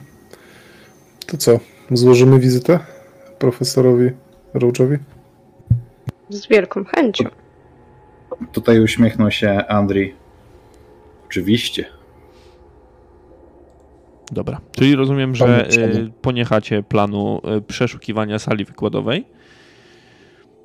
Znaczy tak, trochę się skołowałem. Dobra. Znaczy, jakie, jaki jest w Ameryce z salami? To są sale, gdzie wykładowca się, czy tam profesor zmienia, czy oni mają swoje klasy? E, w tym wypadku tutaj prawdopodobnie się zmienia. Jest okay. to jedna po prostu z licznych sal wykładowych. Wygląda bardziej na taką w szkole niż na taki półokrągły niczym amfiteatr. E, bardziej jest to zwykła sala z ławkami pojedynczymi, ale po wyjściu nikogo tutaj nie ma. Tym bardziej, że widzieliście, jak profesor pakował swoje rzeczy i po prostu z nimi wychodził.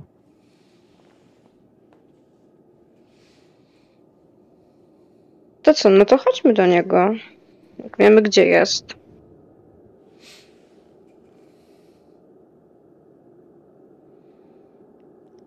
Dobra, no to chodźmy. No i ruszam w stronę gabinetu.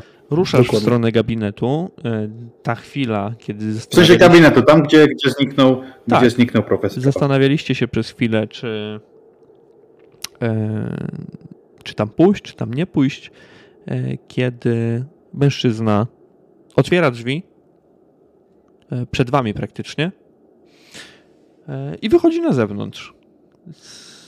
Staje to sytuacja może wyglądać nieco niezręcznie, ponieważ podeszliście już pod drzwi i może chcieliście zapukać, może chcieliście jeszcze przystanąć, ale on po prostu te drzwi otworzył i zobaczył waszą czwórkę e, przed sobą.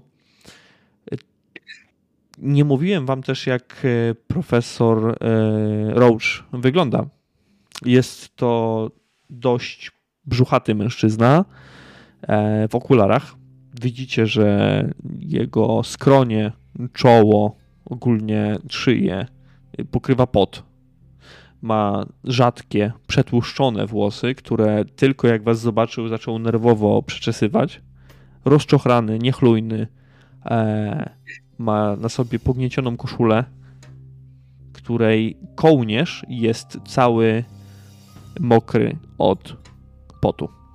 Spogląda na e, panów na początku. Tak, czym mogę pomóc? Bardzo nam miło. E, pan profesor Roach? Tak, Harland Roach. Bardzo mi miło. On spogląda na Teresę i na Sofii i tak jakby skrzywił się patrząc na nie, jakby to były dziwne formy życia w sadzawce. I cofnął się wręcz o krok. Hmm. Spoglądam na siebie, może mam coś na twarzy, nie wiem. Słucham. Może poświęciłby nam pan dosłownie chwilę, pięć minut. No, to zależy w jakiej sprawie. Ja się spieszę się na wykład. W sprawie e, niedawnej śmierci pana kolegi z uczelni, profesora Leitera. No, kolegą to bym go nie nazwał. Ale, ale słucham. A no właśnie. To może, żeby nie stać tu na korytarzu i nie zwracać uwagi e, studentów, nie, mm, nie niepokoić ich, e, może byśmy weszli do, e, do pana gabinetu, oczywiście, jeśli pan łaska. To może wyjdźmy, wyjdźmy na zewnątrz, porozmawiamy sobie na świeżym powietrzu. Dobrze, niechże i tak będzie. On wskazuje ręką na w stronę wyjścia. E, przeczesuje włosy jeszcze raz, po czym odwraca się i zamyka swój gabinet na klucz. A, a następnie prowadzi was w stronę wyjścia. Wychodzicie na błonia ostatecznie. E, możecie mu zadawać pytania w trakcie czy to już e, podróży, E, tym korytarzem, czy też możecie poczekać na to, aż znajdziecie się na błoniach i będziecie mieli pewność, że nikt was nie słyszy. Czy wydaje mi się, że bardziej naturalnym byłoby e, rozpoczęcie od jakiegoś właśnie small talku po drodze na błonie. E, dlatego może creme de la creme zostawimy sobie na koniec, kiedy już wyjdziemy, natomiast myślę, że parę pytań będzie, byśmy byli w stanie takich mniej może um, konkretnych, dawaj. ale dawaj. zadać jednak po drodze. Um, panie profesorze, proszę nam opowiedzieć trochę o pracy, którą zajmował się profesor Leiter, gdyż jak, o ile pamięć mnie nie myli, e, skedę po nim e, otrzymał właśnie pan. Nie, nie ukrywam, że to ja powinienem pracować nad materiałami pochodzącymi z domu hobhouse'ów. No, no ale... A no właśnie, właśnie do takiego samego wniosku doszliśmy, rozmawiając już z paroma osobami, że e, dziwna, dziwna sprawa, ale właśnie wszystko wskazuje na to, że e, pan Leiter no nie miał aż takiego e, takiej wiedzy, czy też doświadczenia, żeby zajmować się tego typu E, tego typu dokumentami. To też nas zdziwiło, dlatego, dlatego też do pana przychodzimy. Pa, państw, państwo jesteście z gazety, tak? Można tak powiedzieć, e, częściowo z gazety. Wskazuje tutaj na, e, na Sofii i Teresę. A częściowo. A częściowo. Um, no można by powiedzieć, że jesteśmy prywatnymi detektywami. Hmm, to ciekawe. Hmm, to w takim razie. Y, ale najważniejsze, nie, nie przedstawił się pan. Michael Henderson, miło mi. Harlan Roach, jak już, jak już się przedstawiałem. Y, a pan? Zwraca się do Andrzeja. Andrzej wyciąga rękę. Grzegorz Brzęczyszczykiewicz, miło mi. Pan, pan raczy żartować. Drogi panie, my Polacy nigdy nie żartujemy ze swojego pochodzenia, a tym bardziej z nazwisk. U nas w Polsce naśmiewanie się z czyichś nazwisk może źle się skończyć. Grzegorz. No, No dobrze, no dobrze, panie, panie Gregory. E, w takim razie tutaj kwestie personaliów mamy już za sobą. E, cóż, przepraszam bardzo. Cóż jeszcze chcą Państwo wiedzieć?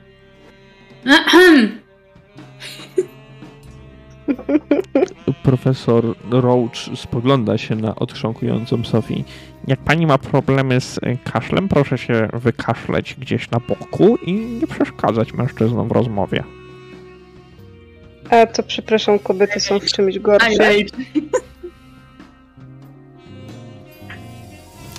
Harland Roach milczy przez chwilę, po czym znowu przeczesuje swoje spocone włosy, poprawia okulary. Nie, nie będę się wdawał w takie niepotrzebne dyskusje. E, no cóż, no jeśli to wszystko, to pozwólcie Państwo, że udam się na kolejny wykład.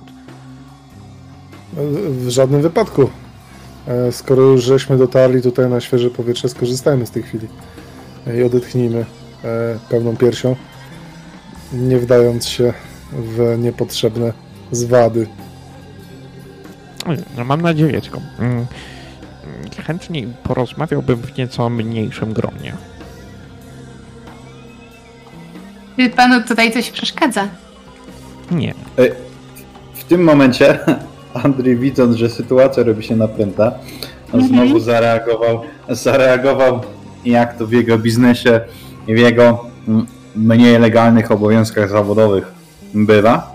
E, ujął jedną panią, e, objął, objął drugą panią, czy też ujął pod ręce mm, i delikatnym, acz e, stanowczym ruchem odbił gdzieś tam w jakąś alejkę i drogie panie, może chodźmy na lody. I gdzieś tam będzie, będzie próbował. Natomiast jeśli jest taka możliwość, bo, bo nie, nie, nie znamy topografii parku mm, tam na zewnątrz, chciałbym udać się, jeśli, jeśli tak mówię, żebyśmy stanęli tak, żebyśmy nie do końca byli widoczni, ale jednak mieli jakąś szansę coś usłyszeć. Jeśli nie, no powiedzmy, bo to jest otwarta przestrzeń, no to będę starał się mm, wyprowadzić pani, a szczególnie Sofii, która widzę, że już się zapalała e, spoza, spoza zasięgu słuchu profesora. E, możecie spróbować odejść na taki dystans, aby jeszcze coś słyszeć, ale wtedy będę próbował, potrzebował od y, każdego z Was y, trudnego testu nasłuchiwania. To tak zróbmy. Proszę bardzo. Ja mam głupie pytanie. Czy na, czy na streamie można przeklinać? Można, oczywiście, że można. A jak wystarczająco daleko odchodzimy, to mówię, no zajebie temu dziadowi. Andrzej, Teresa, idziemy, idziemy do jego gabinetu. Moment, Ale on ma klucze. Nie bądź, że on ma klucze. Mama Andrzeja, idziemy. Dobra, to idziecie czy nasłuchujecie? Idziemy. Ja, ja kurwa idę, przecież ciebie. Ja chciałem coś usłyszeć, ale skoro, skoro Chcieliście usłyszeć, że... ale Sophie pociągnęła was po prostu za sobą i te podsłuchiwanie spełzło y, całkowicie na niczym. E, Til. Andrzej, czy, mam złe czy oni będą Czy oni będą mijać nas? E, nie, no pójdą e... raczej tak okrężną drogą, tak obstawiam. Okej. Okay. Bo wy zaczęliście okay. sobie spacerować Bardziej chodziło mi o tym, okej, okay, okej, okay. bardziej chodziło mi o tym właśnie, czy, czy my tylko wyszliśmy jakby z kampusu i stanęliśmy przed wejściem, czy też właśnie ode, odeszliśmy. Okej, to w takim razie... Um... W takim razie ja poproszę wszystkich o wyciszenie się. O, dobra. Oprócz, oprócz Stila.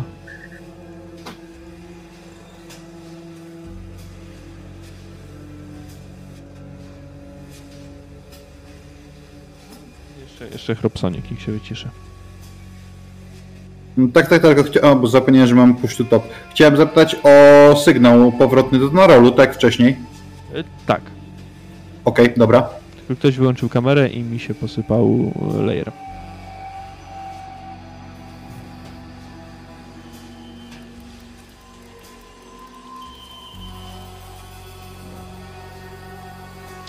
E, marchewka. Tak, wiem, napisałem jej. E, dobrze, niemniej jednak my możemy sobie zacząć grać nawet na nieco e, przyciętym. O, jest marchewka. Też wróciło. Dobra. Od, od razu e... jakoś tak lepiej w A no właśnie. towarzystwie. Przyznam panu, panie, panie profesorze, że e, od kiedy przyczepiły się do nas te dwie panie, e, faktycznie ciężko się ciężko się od nich Są straszne, odgonić. proszę pana, są straszne, ale to tak, to, to, to normalne. Proszę mi mówić Harland i on wyciąga rękę w twoją stronę. Bardzo mi miło, Harlandzie, cię poznać. Wyciągasz rękę także, to może... czy zostawiasz? Tak, tak, jak najbardziej. Jak najbardziej, żeby uścisnąć. Mhm. I w tym momencie jakby widzę różnicę pomiędzy Harlandem a, a Bryce'em, czy też e, e, czy też no, innymi i e, delikatny to uścisk będzie, nie taki, żeby go zdominować. Delikatny, tym bardziej, że no niestety, ale czujesz, że ta ręka jest spocona. tłusta, jest spocona, jest. Nieprzyjemna w dotyku, tym bardziej nie chcesz y, za bardzo tego dotykać. No mm, tak, ale mm, porozmawiajmy o tym, co jest najważniejsze. Jeśli, jeśli pojawi się y, no, tym artykuł w prasie, to mm, będę bardzo, bardzo zadowolony. Tylko... E, jak najbardziej oczywiście. E, tylko proszę powiedzieć e, Harlandzie, powiedz Harlandzie, oczywiście w, możemy wpłynąć tutaj na to, jak będzie ten artykuł wyglądał. Więc możemy się umówić w ten sposób, że jeżeli, e, jeżeli będziemy szczerzy w tej rozmowie naszej, no to my się postaramy jak najlepszym świetle postawić pana i oczywiście wydział i uczelnię. E, dobra, e, potrzebuję od ciebie testu albo na urok osobisty, albo na perswazję E, na taką swoistą charyzmę, żebyś sobie wybrał, e, jak wiele e, on ci powie, jak bardzo będzie zaangażowany w tę rozmowę. To, to ja wybiorę w takim razie urok osobisty. Dobra. Aj. Możesz próbować forsować oczywiście. 50-50. Hmm. Dobrze, jaki byłby koszt forsowania, jeżeli um, dalej bym poszedł w tą gierkę taką um, mizoginistyczną, to znaczy dalej bym ponarzekał e, na nasze towarzyszki e, i jeszcze bardziej bym zaakcentował fakt E, postawienia Harlanda w dobrym świetle i wręcz może nawet um, przypisania mu pewnych zasług, e, na przykład pracy e, nad, nad tymi dokumentami Lightera. Jak najbardziej, jest to super pomysł. Porażka w tym teście forsowania znaczyłaby, że on prawdopodobnie odkryłby to, że ty nie jesteś jednak z żadnej gazety, że ty niczego nie piszesz, że tutaj po prostu, po prostu szukasz informacji. Okej, okay, dobra, zaryzykuję w takim razie. Dobra, dawaj. Aj, Ale jeszcze. E, pan, pan chyba nie jest ze mną do końca szczery, prawda? No niestety muszę się, e, muszę przyznać, że jest pan bardzo spostrzegawczy. E, pełnię tutaj w naszej grupie mm, rolę, jeśli tak to mogę powiedzieć, oczu i uszu mm, prorektora. E, jak na pewno dobrze zdaje sobie pan sprawę, prorektorowi bardzo nie na rękę jest obecna sytuacja z tą śmiercią, e, tragiczną śmiercią e, profesora Lightera.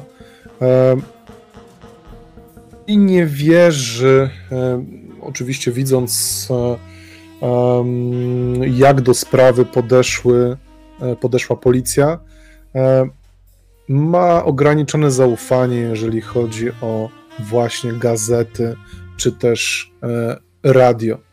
I Tutaj faktycznie będę z panem szczery, że um, razem z prorektorem, no znamy się e, już jakiś czas i ze względu na naszą znajomość właśnie poprosił mnie o to, żeby e, przypilnować, aby żadne niepokojące informacje do prasy nie wyciekły.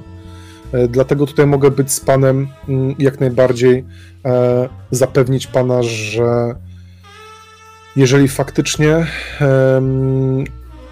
uda nam się porozmawiać na temat e, śmierci profesora Lightera, no to ja dotrzymam swojej części umowy. Także w stosunku do Pana oczywiście. Dobra, teraz poproszę od ciebie równie ważny rzut, ale teraz poproszę od ciebie rzut na perswazję z kością premiową. Chyba, że nie chcesz tej kości premiowej. E, perswazja. Hmm. Nie, będę chciał kość premiową na pewno, bo mam bardzo mało perswazji. Dobra, czyli pierwszy rzut jest e, pełny, a drugi rzut to tak naprawdę tylko dziesiątki. Dobra. Ale czy tak czy siak po prostu rzucam dwa razy, nie? Tak, Bo tak. Z drugiego rzutu bierzemy jest... tylko dziesiątki, nie? Jasne. Dobra, to jedziemy. No, za dużo to nie dało, chociaż... Poczekaj sekundę. No nie, no musiałem zjechać. Mam tylko 10 perswazji, tak. No niestety nie zjadę szczęściem, nie, nie, nie, nie, nie. To bym się pozbył go. Um, ja powiem, powiem panu tak, bo się spieszę. To właśnie prorektor Fallon zwrócił się do mnie po śmierci profesora Lightera. To ja miałem przejrzeć papiery Lightera i to ja odkryłem, że dokumenty takie jak procesy czarownic Arkham zniknęły. Oczywiście wszyscy zdajemy sobie sprawę z historycznej wartości zaginionych dokumentów. To, że Leiter zmarł na atak serca, to normalne w tym zawodzie. Oczywiście wszyscy się bardzo denerwują. Ale zanim jeszcze tylko pójdę, chciałbym panu powiedzieć, że według mnie, jeśli jest pan dobrym znajomym Falona, to może pan powinien mu to powiedzieć. Walon zaufał nie temu człowiekowi, co trzeba. Zaufał oszustowi i teraz sam próbuje się wybielić. E, pan i pana koledzy z policji powinni obserwować Falona. I, I nawet jeśli się znacie tyle lat, to nie radzę mu ufać tak do końca. A teraz, przepraszam najmocniej, ja muszę już się udać na zajęcia. To może jeszcze odprowadzając pana tych parę kroków, e, ostatnie pytanie, jeśli łaska. Słucham. E, co mógłby pan mi powiedzieć na temat e, Antonego Findersa? Finder, Antonego Findersa. Antony Finders. No taki studencina o niezdrowej pasji. Tutaj chodzi, wypytuje, ale to raczej, raczej nie, nie mój typ studenta, który mi się zajmuje. On właśnie za, za lighterem dużo chodził. No, to jego, jego może pan yy, wypytać o A lightera. Czy przed, śmier przed śmiercią profesora Lightera, bądź też po jego śmierci, e, Antony Finders kontaktował się z panem? w jakiejś sprawie na temat w sprawie e, na, na temat. Um... Proszę pana, ja się z, z żadnym Hindersem nie kontaktowałem, ani on się ze mną nie kontaktował. I uważam tę rozmowę za zakończoną. Jak najbardziej. Miłego dnia. Miłego dnia. On odchodzi mhm. stronę, z której przyszedł, czyli w stronę gabinetu. Więc Dobrze. Poproszę e... teraz ciebie zaraz o wyciszenie, chyba że chcesz jakąś konkluzję jeszcze. E... Czy na pewno na tyle dobrze nie, nie, nie poznałem kampusu, mhm. E, ale czy byłbym w stanie wywnioskować, czy będę, byłbym w stanie dobiec naokoło, tak żeby ewentualnie ich e, ostrzec Wy spacerowaliście przez parę, parę minut na pewno. Tutaj też byłeś pochłonięty tą rozmową. E, więc test szczęścia, po prostu. Dobra.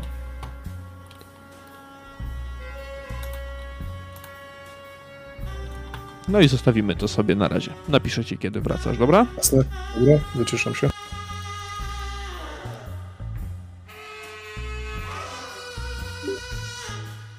Halo, halo. Ja. Marchewka, gotowa i chropsonik. Chropsona nie ma, nie jest chropson. Jestem, jestem, ja cały czas zapominam. Zapominam o push to talk. Dobra. E, kochani, wy okrężną drogą ruszacie w stronę wydziału z powrotem, w stronę gabinetu e, profesora Roacha. Ja mam tylko. Ja mam tylko pytanie, czy jak idziemy, to te alejki są opisane na przykład, nie wiem, druga, trzecia, piętnasta, czy... Jesteście czy na nie? błoniach tutaj na wydziale, e, więc tutaj one nie są opisane. Alejki e, są opisane bardziej w tym miasteczku, e, tej części mieszkalnej uniwersytetu, o tak powiem. Widzieliście ją wjeżdżając na uniwersytet, już e, zresztą dwukrotnie. Może wczoraj nie, wczoraj było ciemno, ale dzisiaj rano jak najbardziej tak. Znajduje się ona zdecydowanie bliżej e, głównej bramy uniwersytetu. E, docieracie do drzwi znowu Wydziału Historycznego, wchodzicie do środka, ten sam zapach, te same obrazy, te same bronie, zbroje. Kilka kroków po korytarzu, minięcie kilku studentów, aż w końcu docieracie do gabinetu, który zakluczył jeszcze parę minut temu profesor Roach.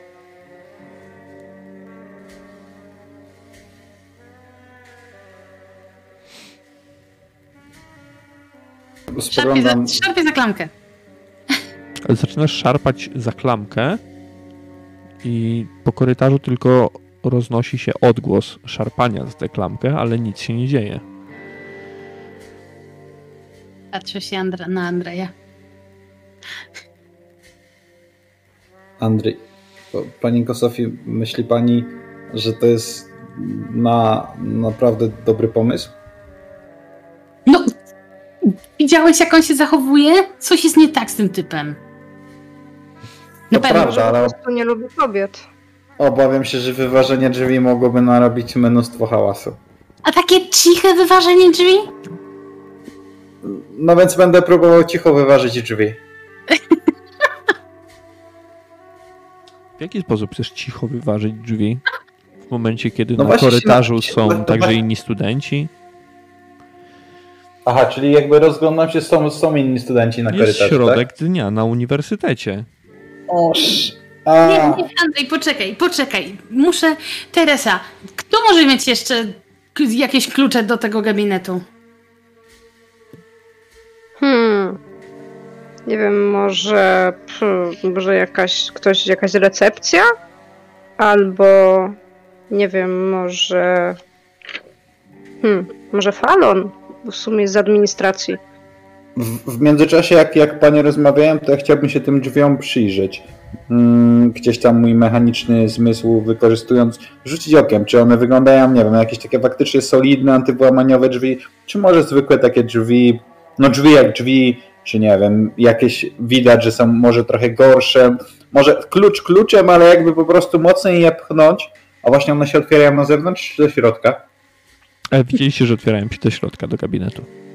A, więc, więc może jakby je mocniej pchnąć, to, to po prostu ten zamek wypuścił bez ten. Delikatnie też będę je próbował pchnąć. E, No, no chciałbym im się po prostu przyjrzeć. Spostrzegawczość. Dobrze, że nie na ślusarstwo.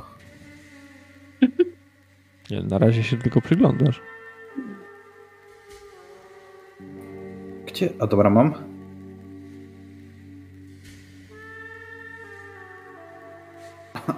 Łopanie, jakie solidne drzwi tu wstawiają na tych uniwersytetach. A tak To naprawdę, samo mówi Andrzej. tak naprawdę To są Andrzej, łopani, jakie solidne drzwi. e, no ciężko o ciche wyważenie takich drzwi, e, o jakiś słaby punkt. One są zakluczone. E, Są to normalne, zwykłe drzwi. Drogie panie, a jakby krzyknąć, że pożar, narobić trochę szumu i wtedy korzystając z hałasu i zamieszania, spróbować je wyłamać? Jest tutaj jakiś alarm przeciwpożarowy?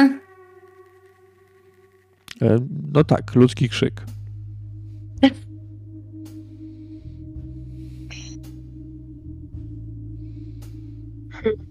Drogie panie, Może co jakiś, robimy? Jakiś cieć, ktoś tu ma te klucze, nie wiem. No może jakaś recepcja, czy coś takiego. No, to, to tak jedyne, co mi przychodzi do głowy. Tereso, żadnej recepcji nie mijaliście. Na pewno. E, po drodze. Niczego takiego nie było. Mhm. E, w grę mógłby wchodzić jakiś cieć, no ale pamiętacie zresztą, że w przypadku, kiedy drzwi były zakluczone, mm, drzwi do gabinetu Lightera, to woźny otwierał je kluczem uniwersalnym, tak, który posiadał. Idę szukać ciecia. Yy, tylko, nie, pa, nie. Pani może niech pani nie zwraca się do niego per cieć. No nie, no nie, poczekajcie. Panie cieciu.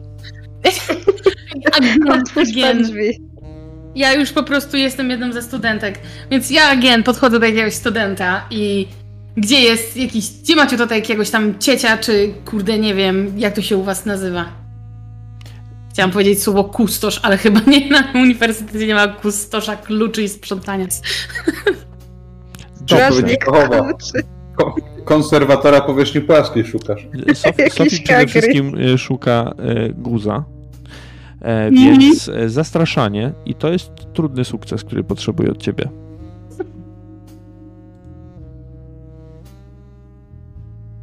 Dymet. Dobra. Widzisz, że widzicie, że Sophie po prostu zostawia was na chwilę i podchodzi do grupki studentów, która rozmawia ze sobą, rzucając im tekst w stylu, gdzie tu jest jakiś cieć. Studenci odwracają się. Studenci odwracają się w stronę Sofii i jeden z nich odpowiada: Oprócz ciebie żadnego tutaj nie widzę. Andrzej, Andrzej to usłyszał? Czy Andrzej to usłyszał? Mógł to usłyszeć, oczywiście. Znaczy, na, pewno, Andrzej...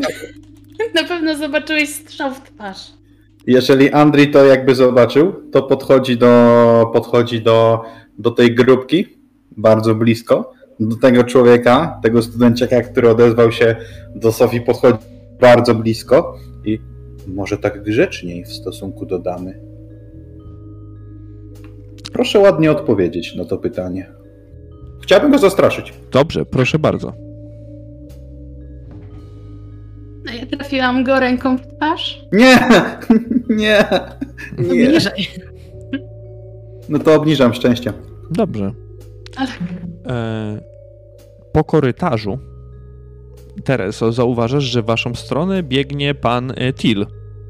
Til, ty widzisz, że na korytarzu, tuż przed biurem Harlanda Roacha zaczyna się wywiązywać szarpanina pomiędzy Andriejem, jakimiś studentami. E, Sophie zaczyna jeszcze kogoś okładać i tylko Teresa stoi z boku, nie wiedząc, co ma robić. Zostawić nas na chwilę. Jaka szarpanina. Jaka szarpanina. zaczynacie się przepychać naturalnie z, z, tymi, z tymi studentami. E, ktoś zaczął krzyczeć. E, Til dobiega. Dobrze, ja dobiegam i e, stanowczym tonem pytam się, o co tu, się, o co tu rozchodzi się? Y, ten tamten nazwał Sofii cieciem, bo się spytała o ciecia i Andrzej się włączył. Ja to, to już widzisz. A wy nie macie lepszych, lepszych zajęć? Jakichś wykładów? Czy coś? A państwa proszę o opuszczenie uczelni. I pokazuję wam głową w kierunku korytarza, z którego przybiegłem właśnie w tym momencie. W trybie natychmiastowym. Rozejść się. No mnie, Andrzej, to musisz zaciągnąć, żebym ja się oderwała od tego ziomeczka. Więc ja, pa, pa, pannę Sofii. E, chciałbym ją złapać mhm. I faktycznie próbować odciągnąć, a jak będzie się za bardzo rzucać, to przepraszam za porównanie. I jak taki worek kartofki na ramię i wyjść z nią z uczelni. Dobrze, przeciwstawny test siły poproszę. Czyli na siłę rzucamy oboje? Tak, Sofii ma bardzo dużo siły, więc... Ale będę miała bekę, jak to wygram. Never mind. To jest po prostu jak odciąganie takiego małego pieska, który skacze i rzuca się zajadliwie do czegoś większego. Ty musisz po prostu go odciągnąć. Tak, teraz e, Andrzej odciąga Sofii i ruszacie e, korytarzem e, w stronę wyjścia. E, Til, wiesz, że prawdopodobnie zaraz miniecie się znowu z Roachem. Czy nie, nie, nie. W kierunku tego korytarza, z którego ja przybiegłem. Bo rozumiem, że ja gdzieś tam naokoło przybiegłem. Ty, ty naokoło przybiegłeś, tak, ale od wejścia najbliżej jest właśnie, właśnie tędy. Więc e, tą drogą, którą zmierzacie, którą udało wam się odciągnąć e, Sofii od tych innych studentów, no jest duża szansa, że miniecie gdzieś tutaj Roacha, bo on niekoniecznie musi iść do swojego gabinetu, tak? Jesteście nadal na wydziale. To w którąkolwiek alejkę, czy też którykolwiek korytarz, e, byle nie ten korytarz bezpośrednio przy wiodący jakby do mm, gabinetu gabinetu Roacha. Stracicie nieco czasu po prostu na tym standardowo, zagłębiając się w korytarze Wydziału Historycznego, aby wyminąć e, Roacha, wyminąć głosy studentów. Coraz więcej osób patrzy na was podejrzliwie po prostu. E, niektórzy, widząc was, odchodzą gdzieś na bok e, pospiesznym krokiem. I wiecie, że z tego może wyniknąć tylko coś niedobrego. Słuchajcie, coraz więcej zwracamy na siebie uwagi. Ewidentnie nikt tutaj nie jest zainteresowany, żeby o czymkolwiek z nami rozmawiać. Natomiast jeszcze chwila i wpadłby na was sam Roach pod, pod gabinetem. Nie możecie na siebie zwracać tak uwagi, a zwłaszcza wdawać się w jakieś pyskówki, czy też, e, czy też szarpaniny z, ze studentami wtedy już konkretnie zwracając na siebie uwagę.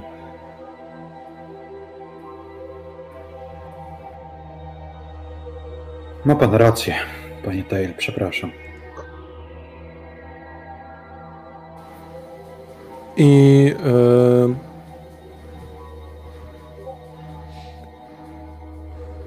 to może faktycznie skierujmy się ku wyjściu, tak żeby tutaj na korytarzu właśnie nie rozmawiać na żaden z tematów związanych z, z tym morderstwem. Dobrze, kochani. E, przeskoczymy sobie na zewnątrz, e, na neutralne miejsce, na błonia Uniwersytetu Miskatonik. Ja bym chciał poznać Wasze dalsze plany. Czy Wy chcecie jeszcze coś porozmawiać, coś podsumować? Czy chcecie gdzieś się udać i w trakcie tej podróży rozmawiać ze sobą? Żebyśmy troszeczkę popchnęli akcję do przodu. Zaraz Wam mm, opowiem, o czym rozmawialiśmy z Roachem. Nie było tego wiele, ale myślę, że wyciągniecie z tego podobne wnioski jak ja. Natomiast może, żeby nie, nie, nie tracić czasu, udamy się od razu mm, dalej. To znaczy, mam na myśli do mieszkania Lightera, żeby na chwilę ochłonąć i dać sobie dać sobie spokój z samą uczelnią. Ja jestem za. Ruszajmy. Podróż tam na piechotę zajmuje wam kilkanaście minut, może niecałe pół godziny, aby znaleźć drugą aleję, aby znaleźć domek z numerem 33 to, co jest istotne. Bardzo dobrze się składa. To, mhm. Tak, to, co jest istotne, to e, zanim dotrzecie na miejsce, wasze oczy widzą rząd takich samych domków e, jednorodzinnych, jakby bliźniaczych, zrobionych na podobną modłę. E, niezbyt duże, dość ładnie urządzone domki znajdują się nieopodal kampusu uniwersyteckiego, stąd właśnie wykładowcy mają blisko na uczelnię. Oczywiście nie wszyscy wykładowcy tutaj mieszkają, niektórzy mieszkają w Arkham, gdzieś dalej, ci, których stać na własne mieszkania, a nie tylko na mieszkanie w wynajmowanym wykładowcom e, domku. Ruszacie y, pomiędzy tymi domkami e, drugą aleją. Jeszcze macie chwilę na porozmawianie i zaraz przejdziemy do tego domku. Dobrze się składa, bo e, w międzyczasie będę w stanie się podzielić z Wami tym, co wynikło z naszej rozmowy razem z Roachem. Mijając fakt, że jest e, po prostu świnią, o czym e, panie mogły się oczywiście e, przekonać przez tą krótką chwilę, to niestety, ale mm, bardzo bystrą świnią. Przejrzał mnie od razu, jeżeli chodzi o o to, że przedstawiliśmy się jako, jako prywatni detektywi bądź też E, dziennikarza. I nie był skory do jakiejkolwiek dłuższej rozmowy. Natomiast kilka faktów, z kilkoma faktami się e, ze mną podzielił. Mm, I najciekawsze z nich są takie, że zwrócił uwagę na postać Bryce'a Fallona jako osobę, co do której trzeba mieć ograniczone zaufanie. To znaczy, według mm, e, według przepraszam e, według Harlanda mm, Leiter był oszustem i wykorzystał Bryce'a Fallona do tego, aby aby po prostu zajął, zajmować się tymi dokumentami rodziny Kobów. Natomiast um, stwierdził także, że należy mieć ograniczone zaufanie do tego, co Bryce Fallon e, mówi, robi i e, w jaki sposób się przedstawia. E, uznał, że cała ta sytuacja sprawia, stawia po prostu Bryce'a Fallona w złym świetle i że zrobi wszystko i powie wszystko do tego, żeby odsunąć od siebie jakiekolwiek podejrzenia, czy też, żeby po prostu smród się za nim nie ciągnął. Mm, to jest pierwsza rzecz. Druga rzecz jest taka, że ta nasza świnia jest bardzo, ma bardzo duże mniemanie o sobie. To znaczy, pierwsze z czym wyskoczył, to to, że e, praca nad tymi dokumentami należała się jemu, a nie Leiterowi i że to on powinien nad tymi dokumentami pracować i zajmować się tą e, sprawą, czy też e, rodziną Kobów. Mm, no i oczywiście nie omieszkał wspomnieć, że to on jako pierwszy spostrzegł, że e, w tych pracach, którymi zajmował się Leiter, brakuje mm, tej książki, czy też, czy też tych materiałów dotyczących e, tych całych czarownic. Co więcej, e, udało mi się też zdobyć kilka informacji na temat samego Findersa. Harland zarzeka się, że Finders nie był typem studenta, któremu, e, którego on sam chciałby mieć w swoim otoczeniu. I myślę, że po tym, czego się dowiedzieliśmy od e, Bryce'a Fallona, e, to akurat może być prawdą. To znaczy, widzieliście studentów, którzy się kręcili dookoła e, Harlanda w momencie, kiedy wychodził z, z auli, z sali wykładowej Natomiast e, po tym, co e, jak opisał, jak opisał e, Findersa, przepraszam, czy ja w tym momencie po, poplątałem Findersa z. No właśnie. Nie wiem, nie wiem, ale, ale fajnie się Finders słucha. Finders to jest ten uczeń. Mhm, Antony Finder, to jest uczeń. Tak. Ten, co to, chciał zająć miejsce Emilii. Emily. tak, Mhm. To jest Finders. Tak, natomiast czy ja, czy ja poplątałem Findersa w to tym momencie z, z tym ko... z tym E, chłopakiem z... Cecilem Hunterem? Tak, Cecil z Hunter. Cecilem Hunterem. Być może, ale o niego nie pytałeś e, profesora Roacha. Tak, ale Bryce'a, ale Bryce'a Fallona, Bryce'a Fallona pytaliśmy o, e, o tego chłopaka, prawda? I on powiedział, że wyrzucił go z uczelni Tak, przez za, to, że miał takie... za złe Okej, prowadzenie się, tak, za to zdemoralizowanie. faktycznie, Mhm. To faktycznie Dwie różne osoby. Tak, pomyliłem, poplątałem e, postaci. Dobrze, to tego nie było. No ale, ale wiedzieliśmy o tym cofamy. Tak. Em, no i to wszystko. Więcej nie chciał ze mną rozmawiać i, em, i zwrócił swe kroki ku e, własnemu gabinetowi. Stąd jakimś cudem udało mi się przebiec, e, e, prześcignąć go i dotrzeć do was, zanim znalazłby was e, pod swoim gabinetem, co jest dziwne, gdyż e, powtarz, powtórzył chyba trzykrotnie, że śpieszy się na wykład. E, Stąd też zdziwiło mnie to, że zaczął wracać tą samą e, drogą, którą przyszliśmy e, na zewnątrz e, kampusu, także e, wydziału, przepraszam. Mhm. Myślę, że powinniśmy wrócić do jego gabinetu, ale e, w mniej odpowiedniej, w- mniej e, uczęszczanej przez studentów porze, to znaczy nocą. Znaczy, no jeżeli ten typ jakby wie po co tutaj jesteśmy, no to cokolwiek ma w gabinecie, no to zaraz tego nie będzie.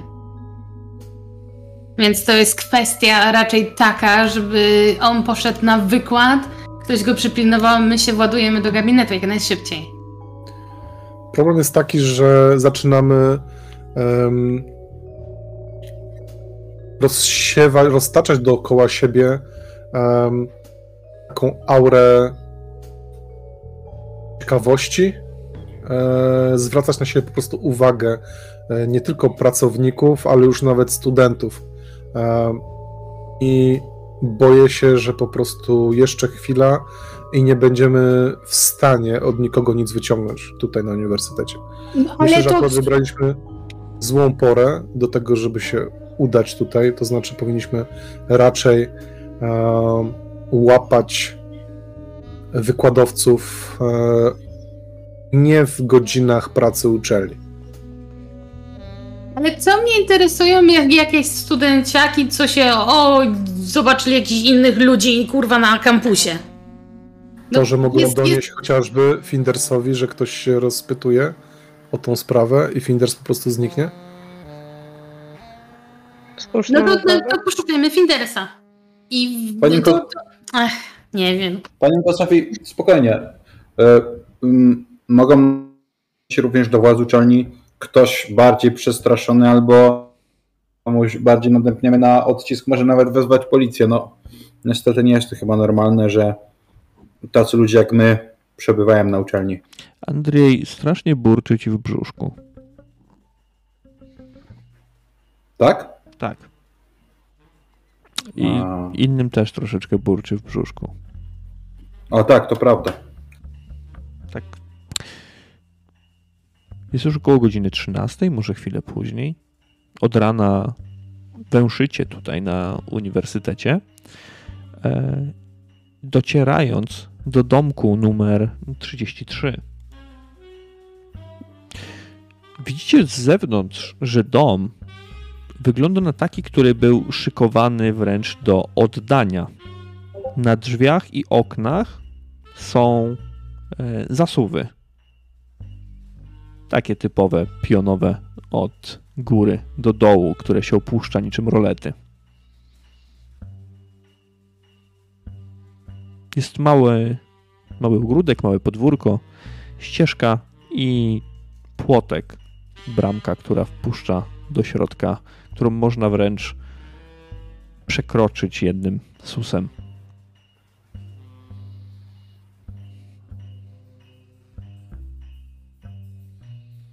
Może wejdźmy, nie, nie stójmy tak.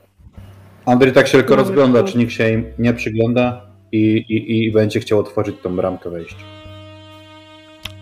Tutaj w tej części kampusu ruch jest zdecydowanie mniejszy. Czasem ktoś się przechadza, rozmawiając o tym i o tamtym, ale jeśli ktoś wchodzi na czyjąś posiadłość, nie ma tutaj większego problemu. E, może trochę rzucać się w oczy to, że wchodzicie akurat tutaj, bo to jedyny dom, który wygląda w taki sposób. Andrzej, ty wchodzisz jako pierwszy i widzisz, że na wycieraczce tego domu e, nieco skopana w kąt jest koperta. Jest ubrudzona. Pochylam się, podnoszę kopertę i będę ją chciał otworzyć. Pochylasz się i widzisz y, zaklejony list z miejscowego szpitala psychiatrycznego. Otwierasz Ale czy to jest ten sam, w sensie, tak, tylko ona wygląda tak samo jak ta, która którą już otworzyliśmy w gabinecie, którą, do, którą dostaliśmy od profesora? Podobnie wygląda, tak. No to pokazuje na swoim towarzyszom października. Aha, czyli, czyli termin. Więc, więc odnoszę, pokazuję towarzyszom, otwieram, no i będę chciał na głos. E, chociaż nie. Nar, najpierw pokazuję jej, ale może najpierw wejdźmy. Żeby nie stać, nie robić takiej kolejki czterech osób pochylonych przed opuszczonym domkiem i czytając kopertę, więc pokazuję tylko, chowam za pazuchę i, i wskazuję na drzwi, że może jednak byśmy weszli. Mhm.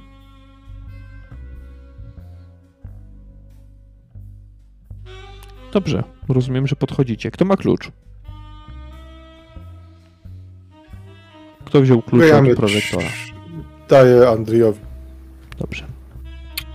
No więc ja będę chciał otworzyć drzwi.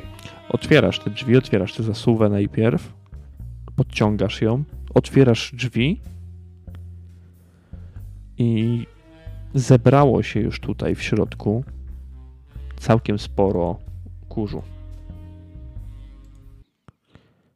Dom wydaje się być nietknięty na zdrowie. Andrzej kichnął aż od tego kurzu. Na zdrowie, Andrzej. Od jakiegoś czasu zdaje się być nietknięty. Meble są po rozsuwane, tak jak były prawdopodobnie już od jakiegoś czasu. Na wycieraczce oprócz tego listu nic kompletnie nie znajdujecie. Domek jest standardowy. Mały, dość skromny. Kuchnia nie przykuwa Waszej uwagi, ale to, co jest najważniejsze, to salon, czy też salon połączony z e, gabinetem.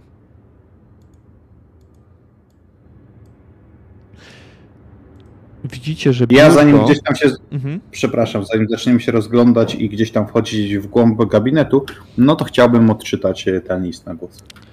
E, list przede wszystkim to ponowna informacja o przyjmowanych przez niejakiego Cecila Huntera e, lekach i prośba o pilną wizytę.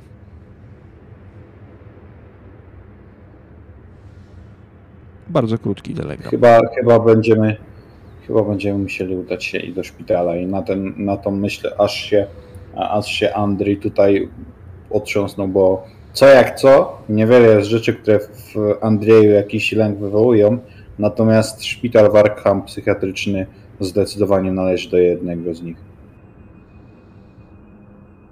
To, co najważniejsze w tym mieszkaniu, to to, że biuro, mm, biurko, przepraszam, które należało prawdopodobnie do Lightera, jest zasypane wszelkiego rodzaju papierami e, i kolejnymi notesami. To ja bym chciała te notesy przejrzeć. Jak już przejrzałam ten pierwszy. Dobra. Ja chyba ogólnie się roz, wszyscy. Dobra, w porządku. E... Ja natomiast bardziej bym się właśnie przeszedł po domu.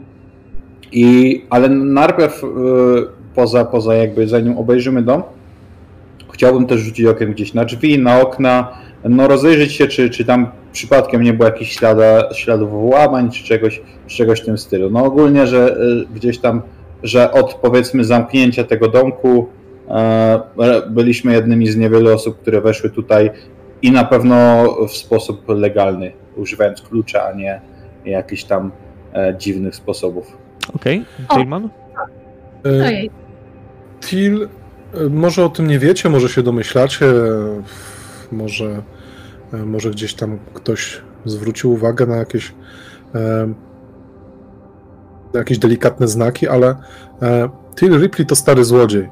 I ja bym się chciał rozejrzeć po tym domu, ale pod kątem jakichś schowków, czy też miejsc, w których ludzie zazwyczaj ukrywają rzeczy, które mają nie, nie ujrzeć światła dziennego. Ja, ja tylko chciałam jeszcze dodać, że jak już pod jakimiś kątami sprawdzamy, to ja sprawdzam pod kątem kuchni, czy coś jest do jedzenia. Pod kątem bardzo dobrze. Ale w takim czasie to... Znaczy nie jednak takiego, nie wiem, jakieś suchary, jakieś puszki z brzoskwiniami, coś, coś jeszcze nie przeterminowało. Puszka z zupą na przykład też będzie dobre. Campbella, tak. albo chociaż bez coli. Jak się jakiś alkohol trafi? Dobry, to podpierdalam. Dobrze, Sofii. Każdy alkohol jest dobry. Nie musimy tutaj rzucać w tym przypadku, kiedy zaczynasz e, przepatrywać e, kuchnię e, zmarłego Charlesa Leitera. E, I teraz tak.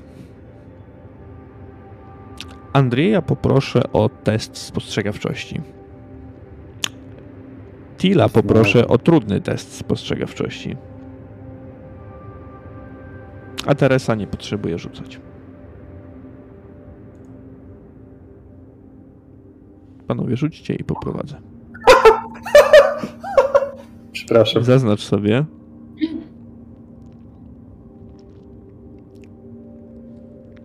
Okej. Okay. Masz 12? Bo trudny. Nie, no trudny rzucał, to ma 24. Rzuciłeś na trudny, tak? dobra. Nie.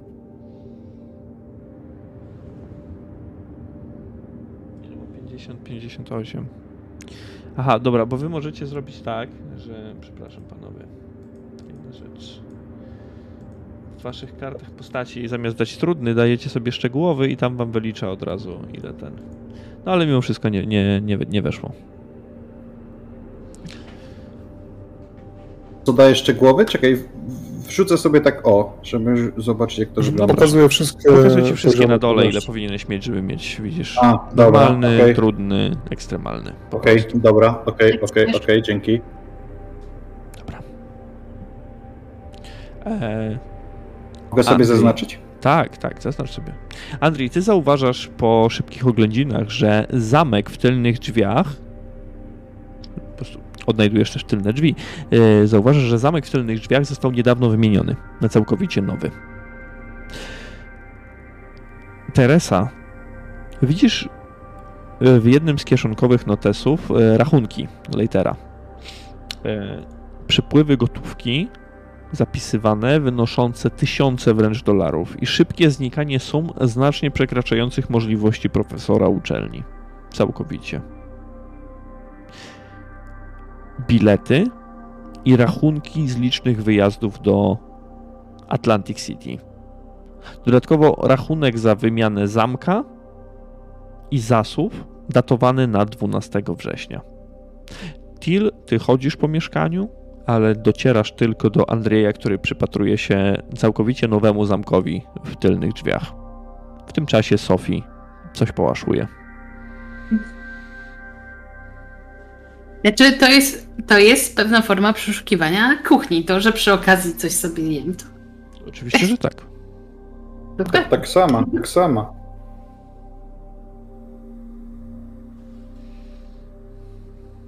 E, I co, masz coś, Andrzej? To tyle. Panie Til, e, zamki były niedawno zmienione. E, zdaje się, że w notesie profesora znaleźliśmy jakąś wzmiankę o tym, jeszcze w jego gabinecie. Nie myśli pan, że profesor mógł się czegoś obawiać albo kogoś? E, jakieś podróże, wymiany zamków? No, jest to dosyć mocno podejrzane. Wszystko na to wskazuje. Biorąc też pod uwagę, że skończył jak skończył, to nawet możemy być tego bardziej niż pewni. Natomiast mm, sprawdzałeś tylko ten zamek, czy może też ten wejściowy? Może są takie same. Mistrzowe Czy też, też nowy? wymieniony? E, nie, e, w tylnych drzwiach był wymieniany. jakby były inne nie, też, to bym ci powiedział. Rozumiem. Panie Til, tylko ten został wymieniony, co, co też jest dziwne. E, myślę, że gdyby spróbował pan użyć klucza, który dostaliśmy, raczej by nie pasował. Pytanie, sprawdzamy, pasuje klucz czy nie? Mm, nie. To tylko jedno przychodzi mi do głowy. Ktoś musiał starać się włamać do jego mieszkania przed tym, jak udał się do jego gabinetu. Na kilka dni, na przykład przed. E, na kiedy to jest ten rachunek datowany? Na 12 września? E, to wie Teresa. E, tak. A, przepraszam. E, ale ten na przykład z tego dziennika, który Andrzej znalazł jeszcze z Sofii, bodajże. W gabinecie, bo tam też w gabinecie. Pamiętam, tam nie było daty, tam była cena tylko podana. A, tam była A, cena. Tylko cena, okej. Okay. No to w takim razie wypadałoby się rozejrzeć i sprawdzić, może uda nam się znaleźć, kiedy ten zamek został wymieniony. I może to nam rozświetli trochę sprawę. No tak, jeżeli ktoś próbował mi by się włamać do domu, też pewnie zmieniłbym zamki. E, ja zmieniłbym wszystkie, ale być może po prostu ktoś zniszczył zamek i, i profesor potrzebował. A może jest jakiś inny powód do wyjaśnienia. Zobaczmy, czy nasze panie coś, coś znalazły. E, Sophie zdecydowanie e, znalazła swego rodzaju bufet, ale Teresa może mieć bardzo ciekawe spostrzeżenia. Wy zakładam poszliście gdzieś na tył, więc widzę jak e, przechodzicie. E, to mówię, chodźcie do kuchni, żeby wszyscy słyszeli, nie powtarzać dwa razy. I zabierając ten, ten notes, te rachunki, e, kładę na stół i mówię, zobaczcie, tutaj jest rachunek na wymianę zamków z datą 12 września. Więc to było właściwie 12 dni przed jego śmiercią, prawie dwa tygodnie. To ciekawe, czy ktoś się tu włamał, czy. Tak, czy na to wygląda. Chodzi? Na to wygląda. Andrii e, znalazł wymieniony zamek w tylnych drzwiach, natomiast frontowe posiadają stary zamek. Znaczy niewymieniony. Co więcej, wygląda to tak, jakby skoro zamki zostały wymienione 12 września, oznacza, że ktoś prawdopodobnie, gdyby, gdyby mm, Leiter bał się o swoje życie, myślę, że wymieniłby wszystkie zamki, jeżeli bałby się tego, że ktoś się do niego włamie. Jeżeli wymienił jeden zamek, to świadczy moim zdaniem o tym, że ktoś się po prostu włamał albo próbował się włamać tymi konkretnymi drzwiami. Dlatego Leiter wymienił ten zamek. I teraz, jeżeli rachunek wskazuje faktycznie na 12 września, to możemy zakładać, że tego włamu dokonano 11 września. Raczej nikt by nie zwlekał nie wiadomo jaką ilość dni, e, aby taki zamek wymienić, prawda? Zwłaszcza, no, rozglądam się po tym, e, po tym pomieszczeniu, w domu, który tak naprawdę dopiero się urządza. Moje spostrzeżenie jest takie, że ktoś po prostu myślał, że Leiter trzyma dokumenty, czy też może tę księgę, e, o którą chodziło, mm, w domu. I po prostu nie trafił. I po pewnym czasie zawitał do Leitera w jego gabinecie, gdzie no, jest jakby drugie miejsce, w którym, e, w którym mógł te dokumenty trzymać, tę dokumentację. No i tam już sprawy się potoczyły, jak się potoczyły. Finał ich znamy. Może mogło chodzić też o pieniądze, bo z tego co tutaj przeglądałam, to jego rachunki i kwoty, które on otrzymywał, to były grube tysiące, ale te kwoty były niższe niż jego wydawane pieniądze, więc jak dla mnie to ja to rozumiem tak, że on miał długi po prostu i, i może faktycznie hazardował, uprawiał hazard, miał problem z hazardem i może zaciągnął pożyczkę jedną, drugą, piątą, i narobił długów i wrogów przy okazji. Tak, ja to widzę. No ale póki co mamy tylko przypuszczenia, które niestety niczym nie są udokumentowane. Wydaje mi się, że gdyby faktycznie chodziło o e, długi, to dowiedzielibyśmy się tego od kogokolwiek z uczelni, z kim rozmawialiśmy e, o Lighterze. Sam fakt, że mm, popadł w hazard, e, no jest prostą informacją. Natomiast jeżeli ktoś by odwiedził Lightera, a uwierzcie mi, że mm, akurat w tych tematach e, znam się, to Lighter. Wszyscy nauczeni by wiedzieli, że e, ktoś Lightera odwiedził i z nim rozmawiał w taki sposób, żeby odzyskać pieniądze. Więc zwracając jeszcze uwagę na to, że Lighter miał jakieś pieniądze, chociażby po tym, że znaleźliście, znaleźliśmy je w jego gabinecie, mm, ja bym na to jednak patrzył z punktu widzenia tego, co faktycznie zniknęło. Bo jak wiemy, zniknęła część dokumentów, a nie pieniądze, które zostały jednak przy trupie. Tak, pieniądze zostały. Czy na tych biletach, które znalazłam, były daty? Z jakich dni są albo miesięcy te, te bilety, te podróże do Atlantic City? E, wiesz co, dni są tutaj mało istotne, ale to są te powtarzające miesiące, czyli czerwiec i sierpień, mhm. z tego co pamiętam. Sierpień. Mhm, tak. Mm, to to też im przekazuje, że tutaj są e, te, te bilety z tego czerwca i sierpnia do tego całego Atlantic City. A czy my tak metagamingowo wiemy coś o tym Atlantic City, w sensie nie wiem, czy się coś odbywało wtedy w tamtych rejonach, coś w tym stylu? Możemy sobie to zawsze e, załatwić rzutem. Może. E, inteligencji. Na szczęście. O, Nie, inteligencja po prostu. Albo na wykształcenie. O tak, tam wam wybór.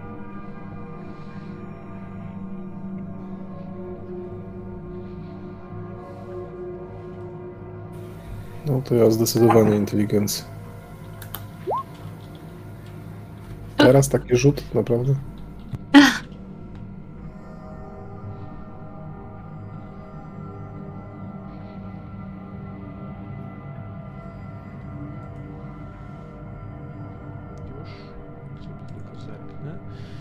E, pięknie.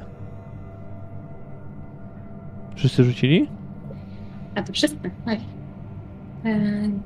Wszyscy, wszyscy, wszyscy. Szkoda, że tego nie da się zakropkować.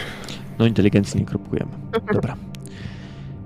Atlantic City to z jednej strony miasto, w którym można zaznać wielu rozrywek, także tych e, mało legalnych. Jest to swego rodzaju stolica hazardu, można by tak ująć, ale jest to także, to bardziej Til będzie wiedział, stolica zorganizowanej przestępczości.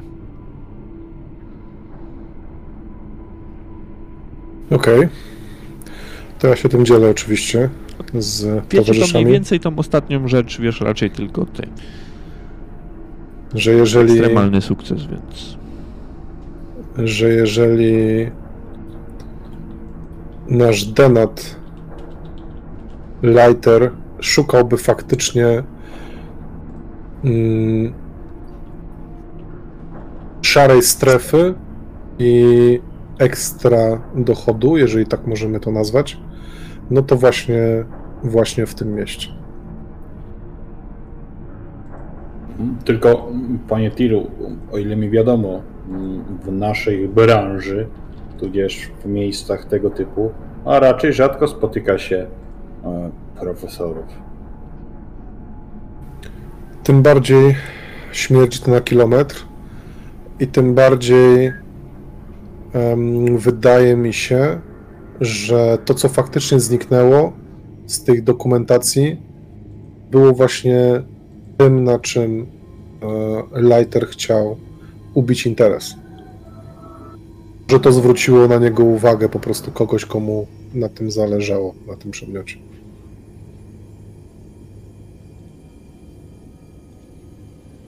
No tak, no tak, to prawda, bo gdzie spieniężyć taki przedmiot, um, jak nie w szarej strefie?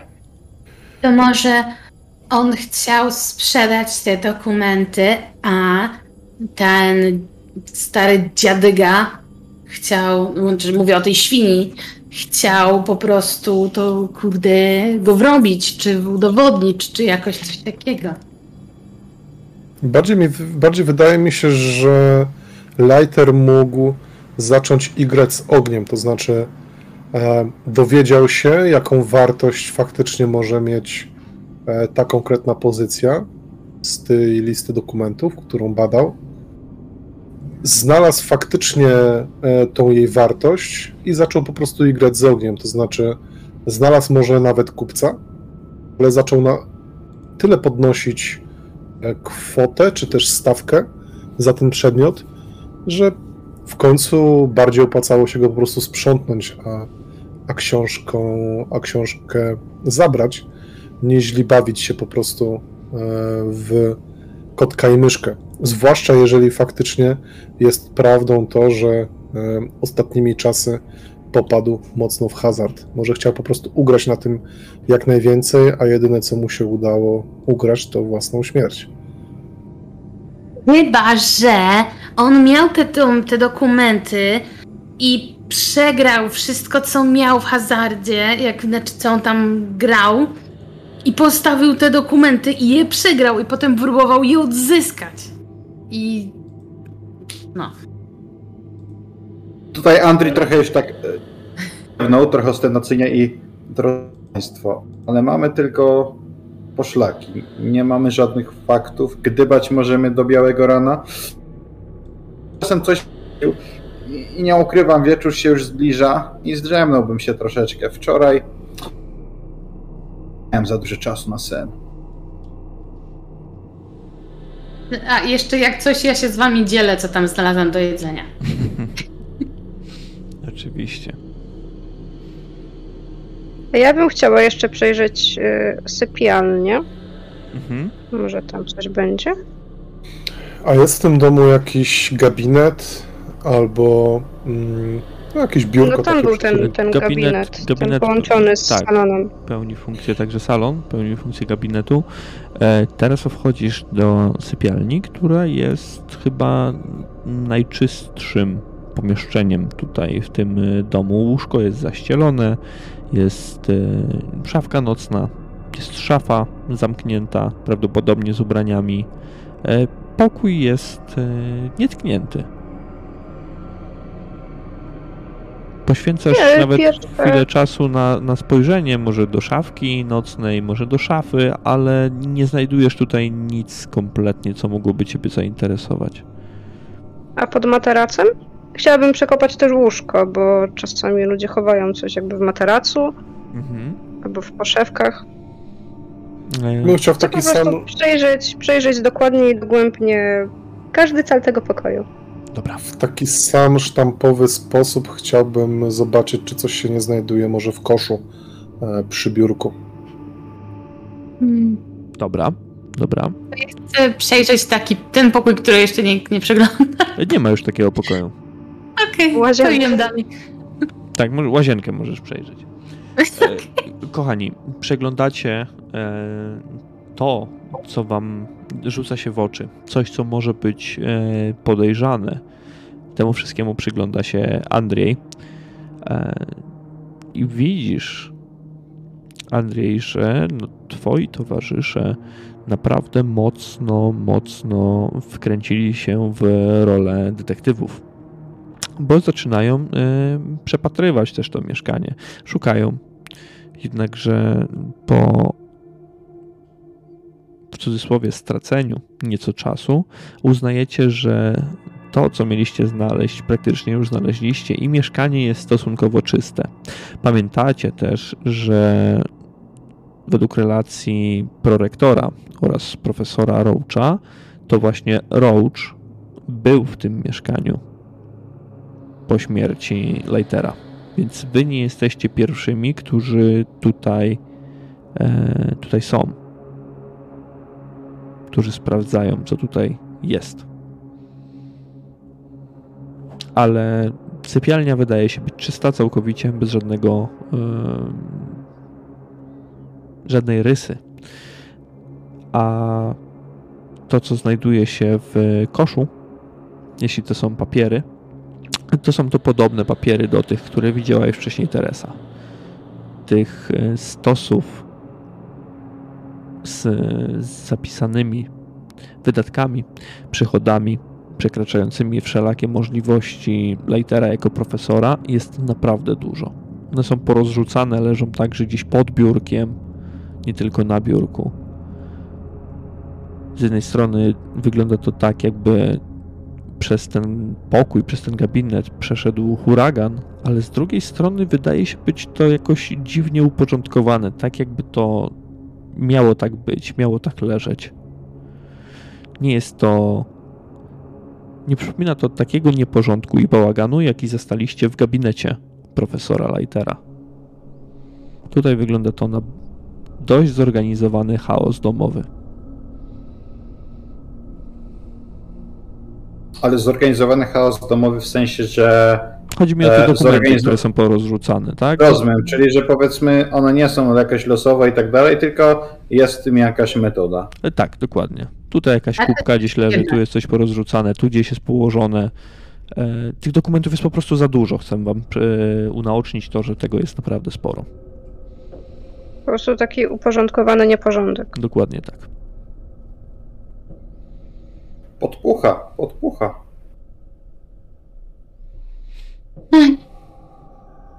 To co robimy dalej? Macie masę tropów przed sobą tak naprawdę, moi drodzy. Proponuję odpocząć i zająć się dalszymi sprawami już jutro.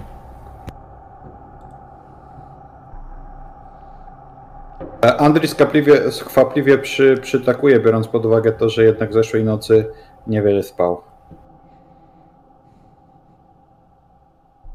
Dobrze.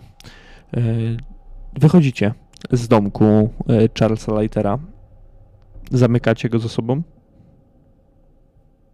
Tak, jak najbardziej. Tak. Zamykacie i pozostawiacie w takim stanie, w jakim go zastaliście.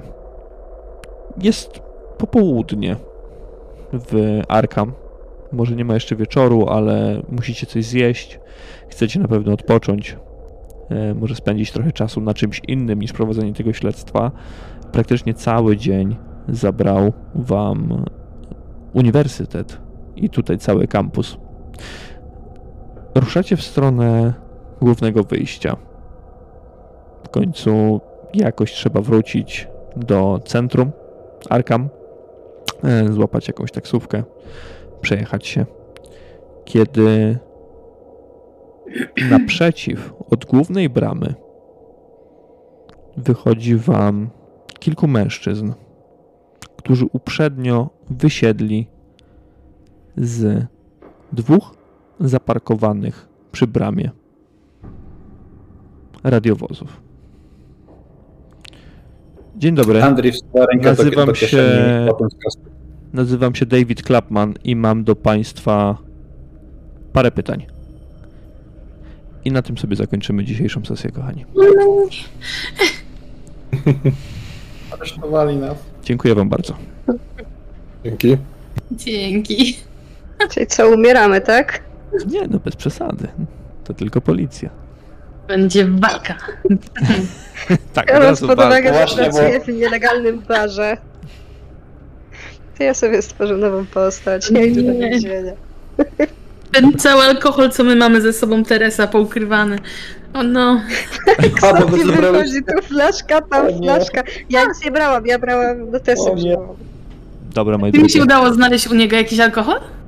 Nie. Okej. E, zrobimy sobie, zrobimy sobie rozwój już e, poza, poza e, nagraniem. Także dziękuję wam jeszcze raz. Pa. O, dziękujemy.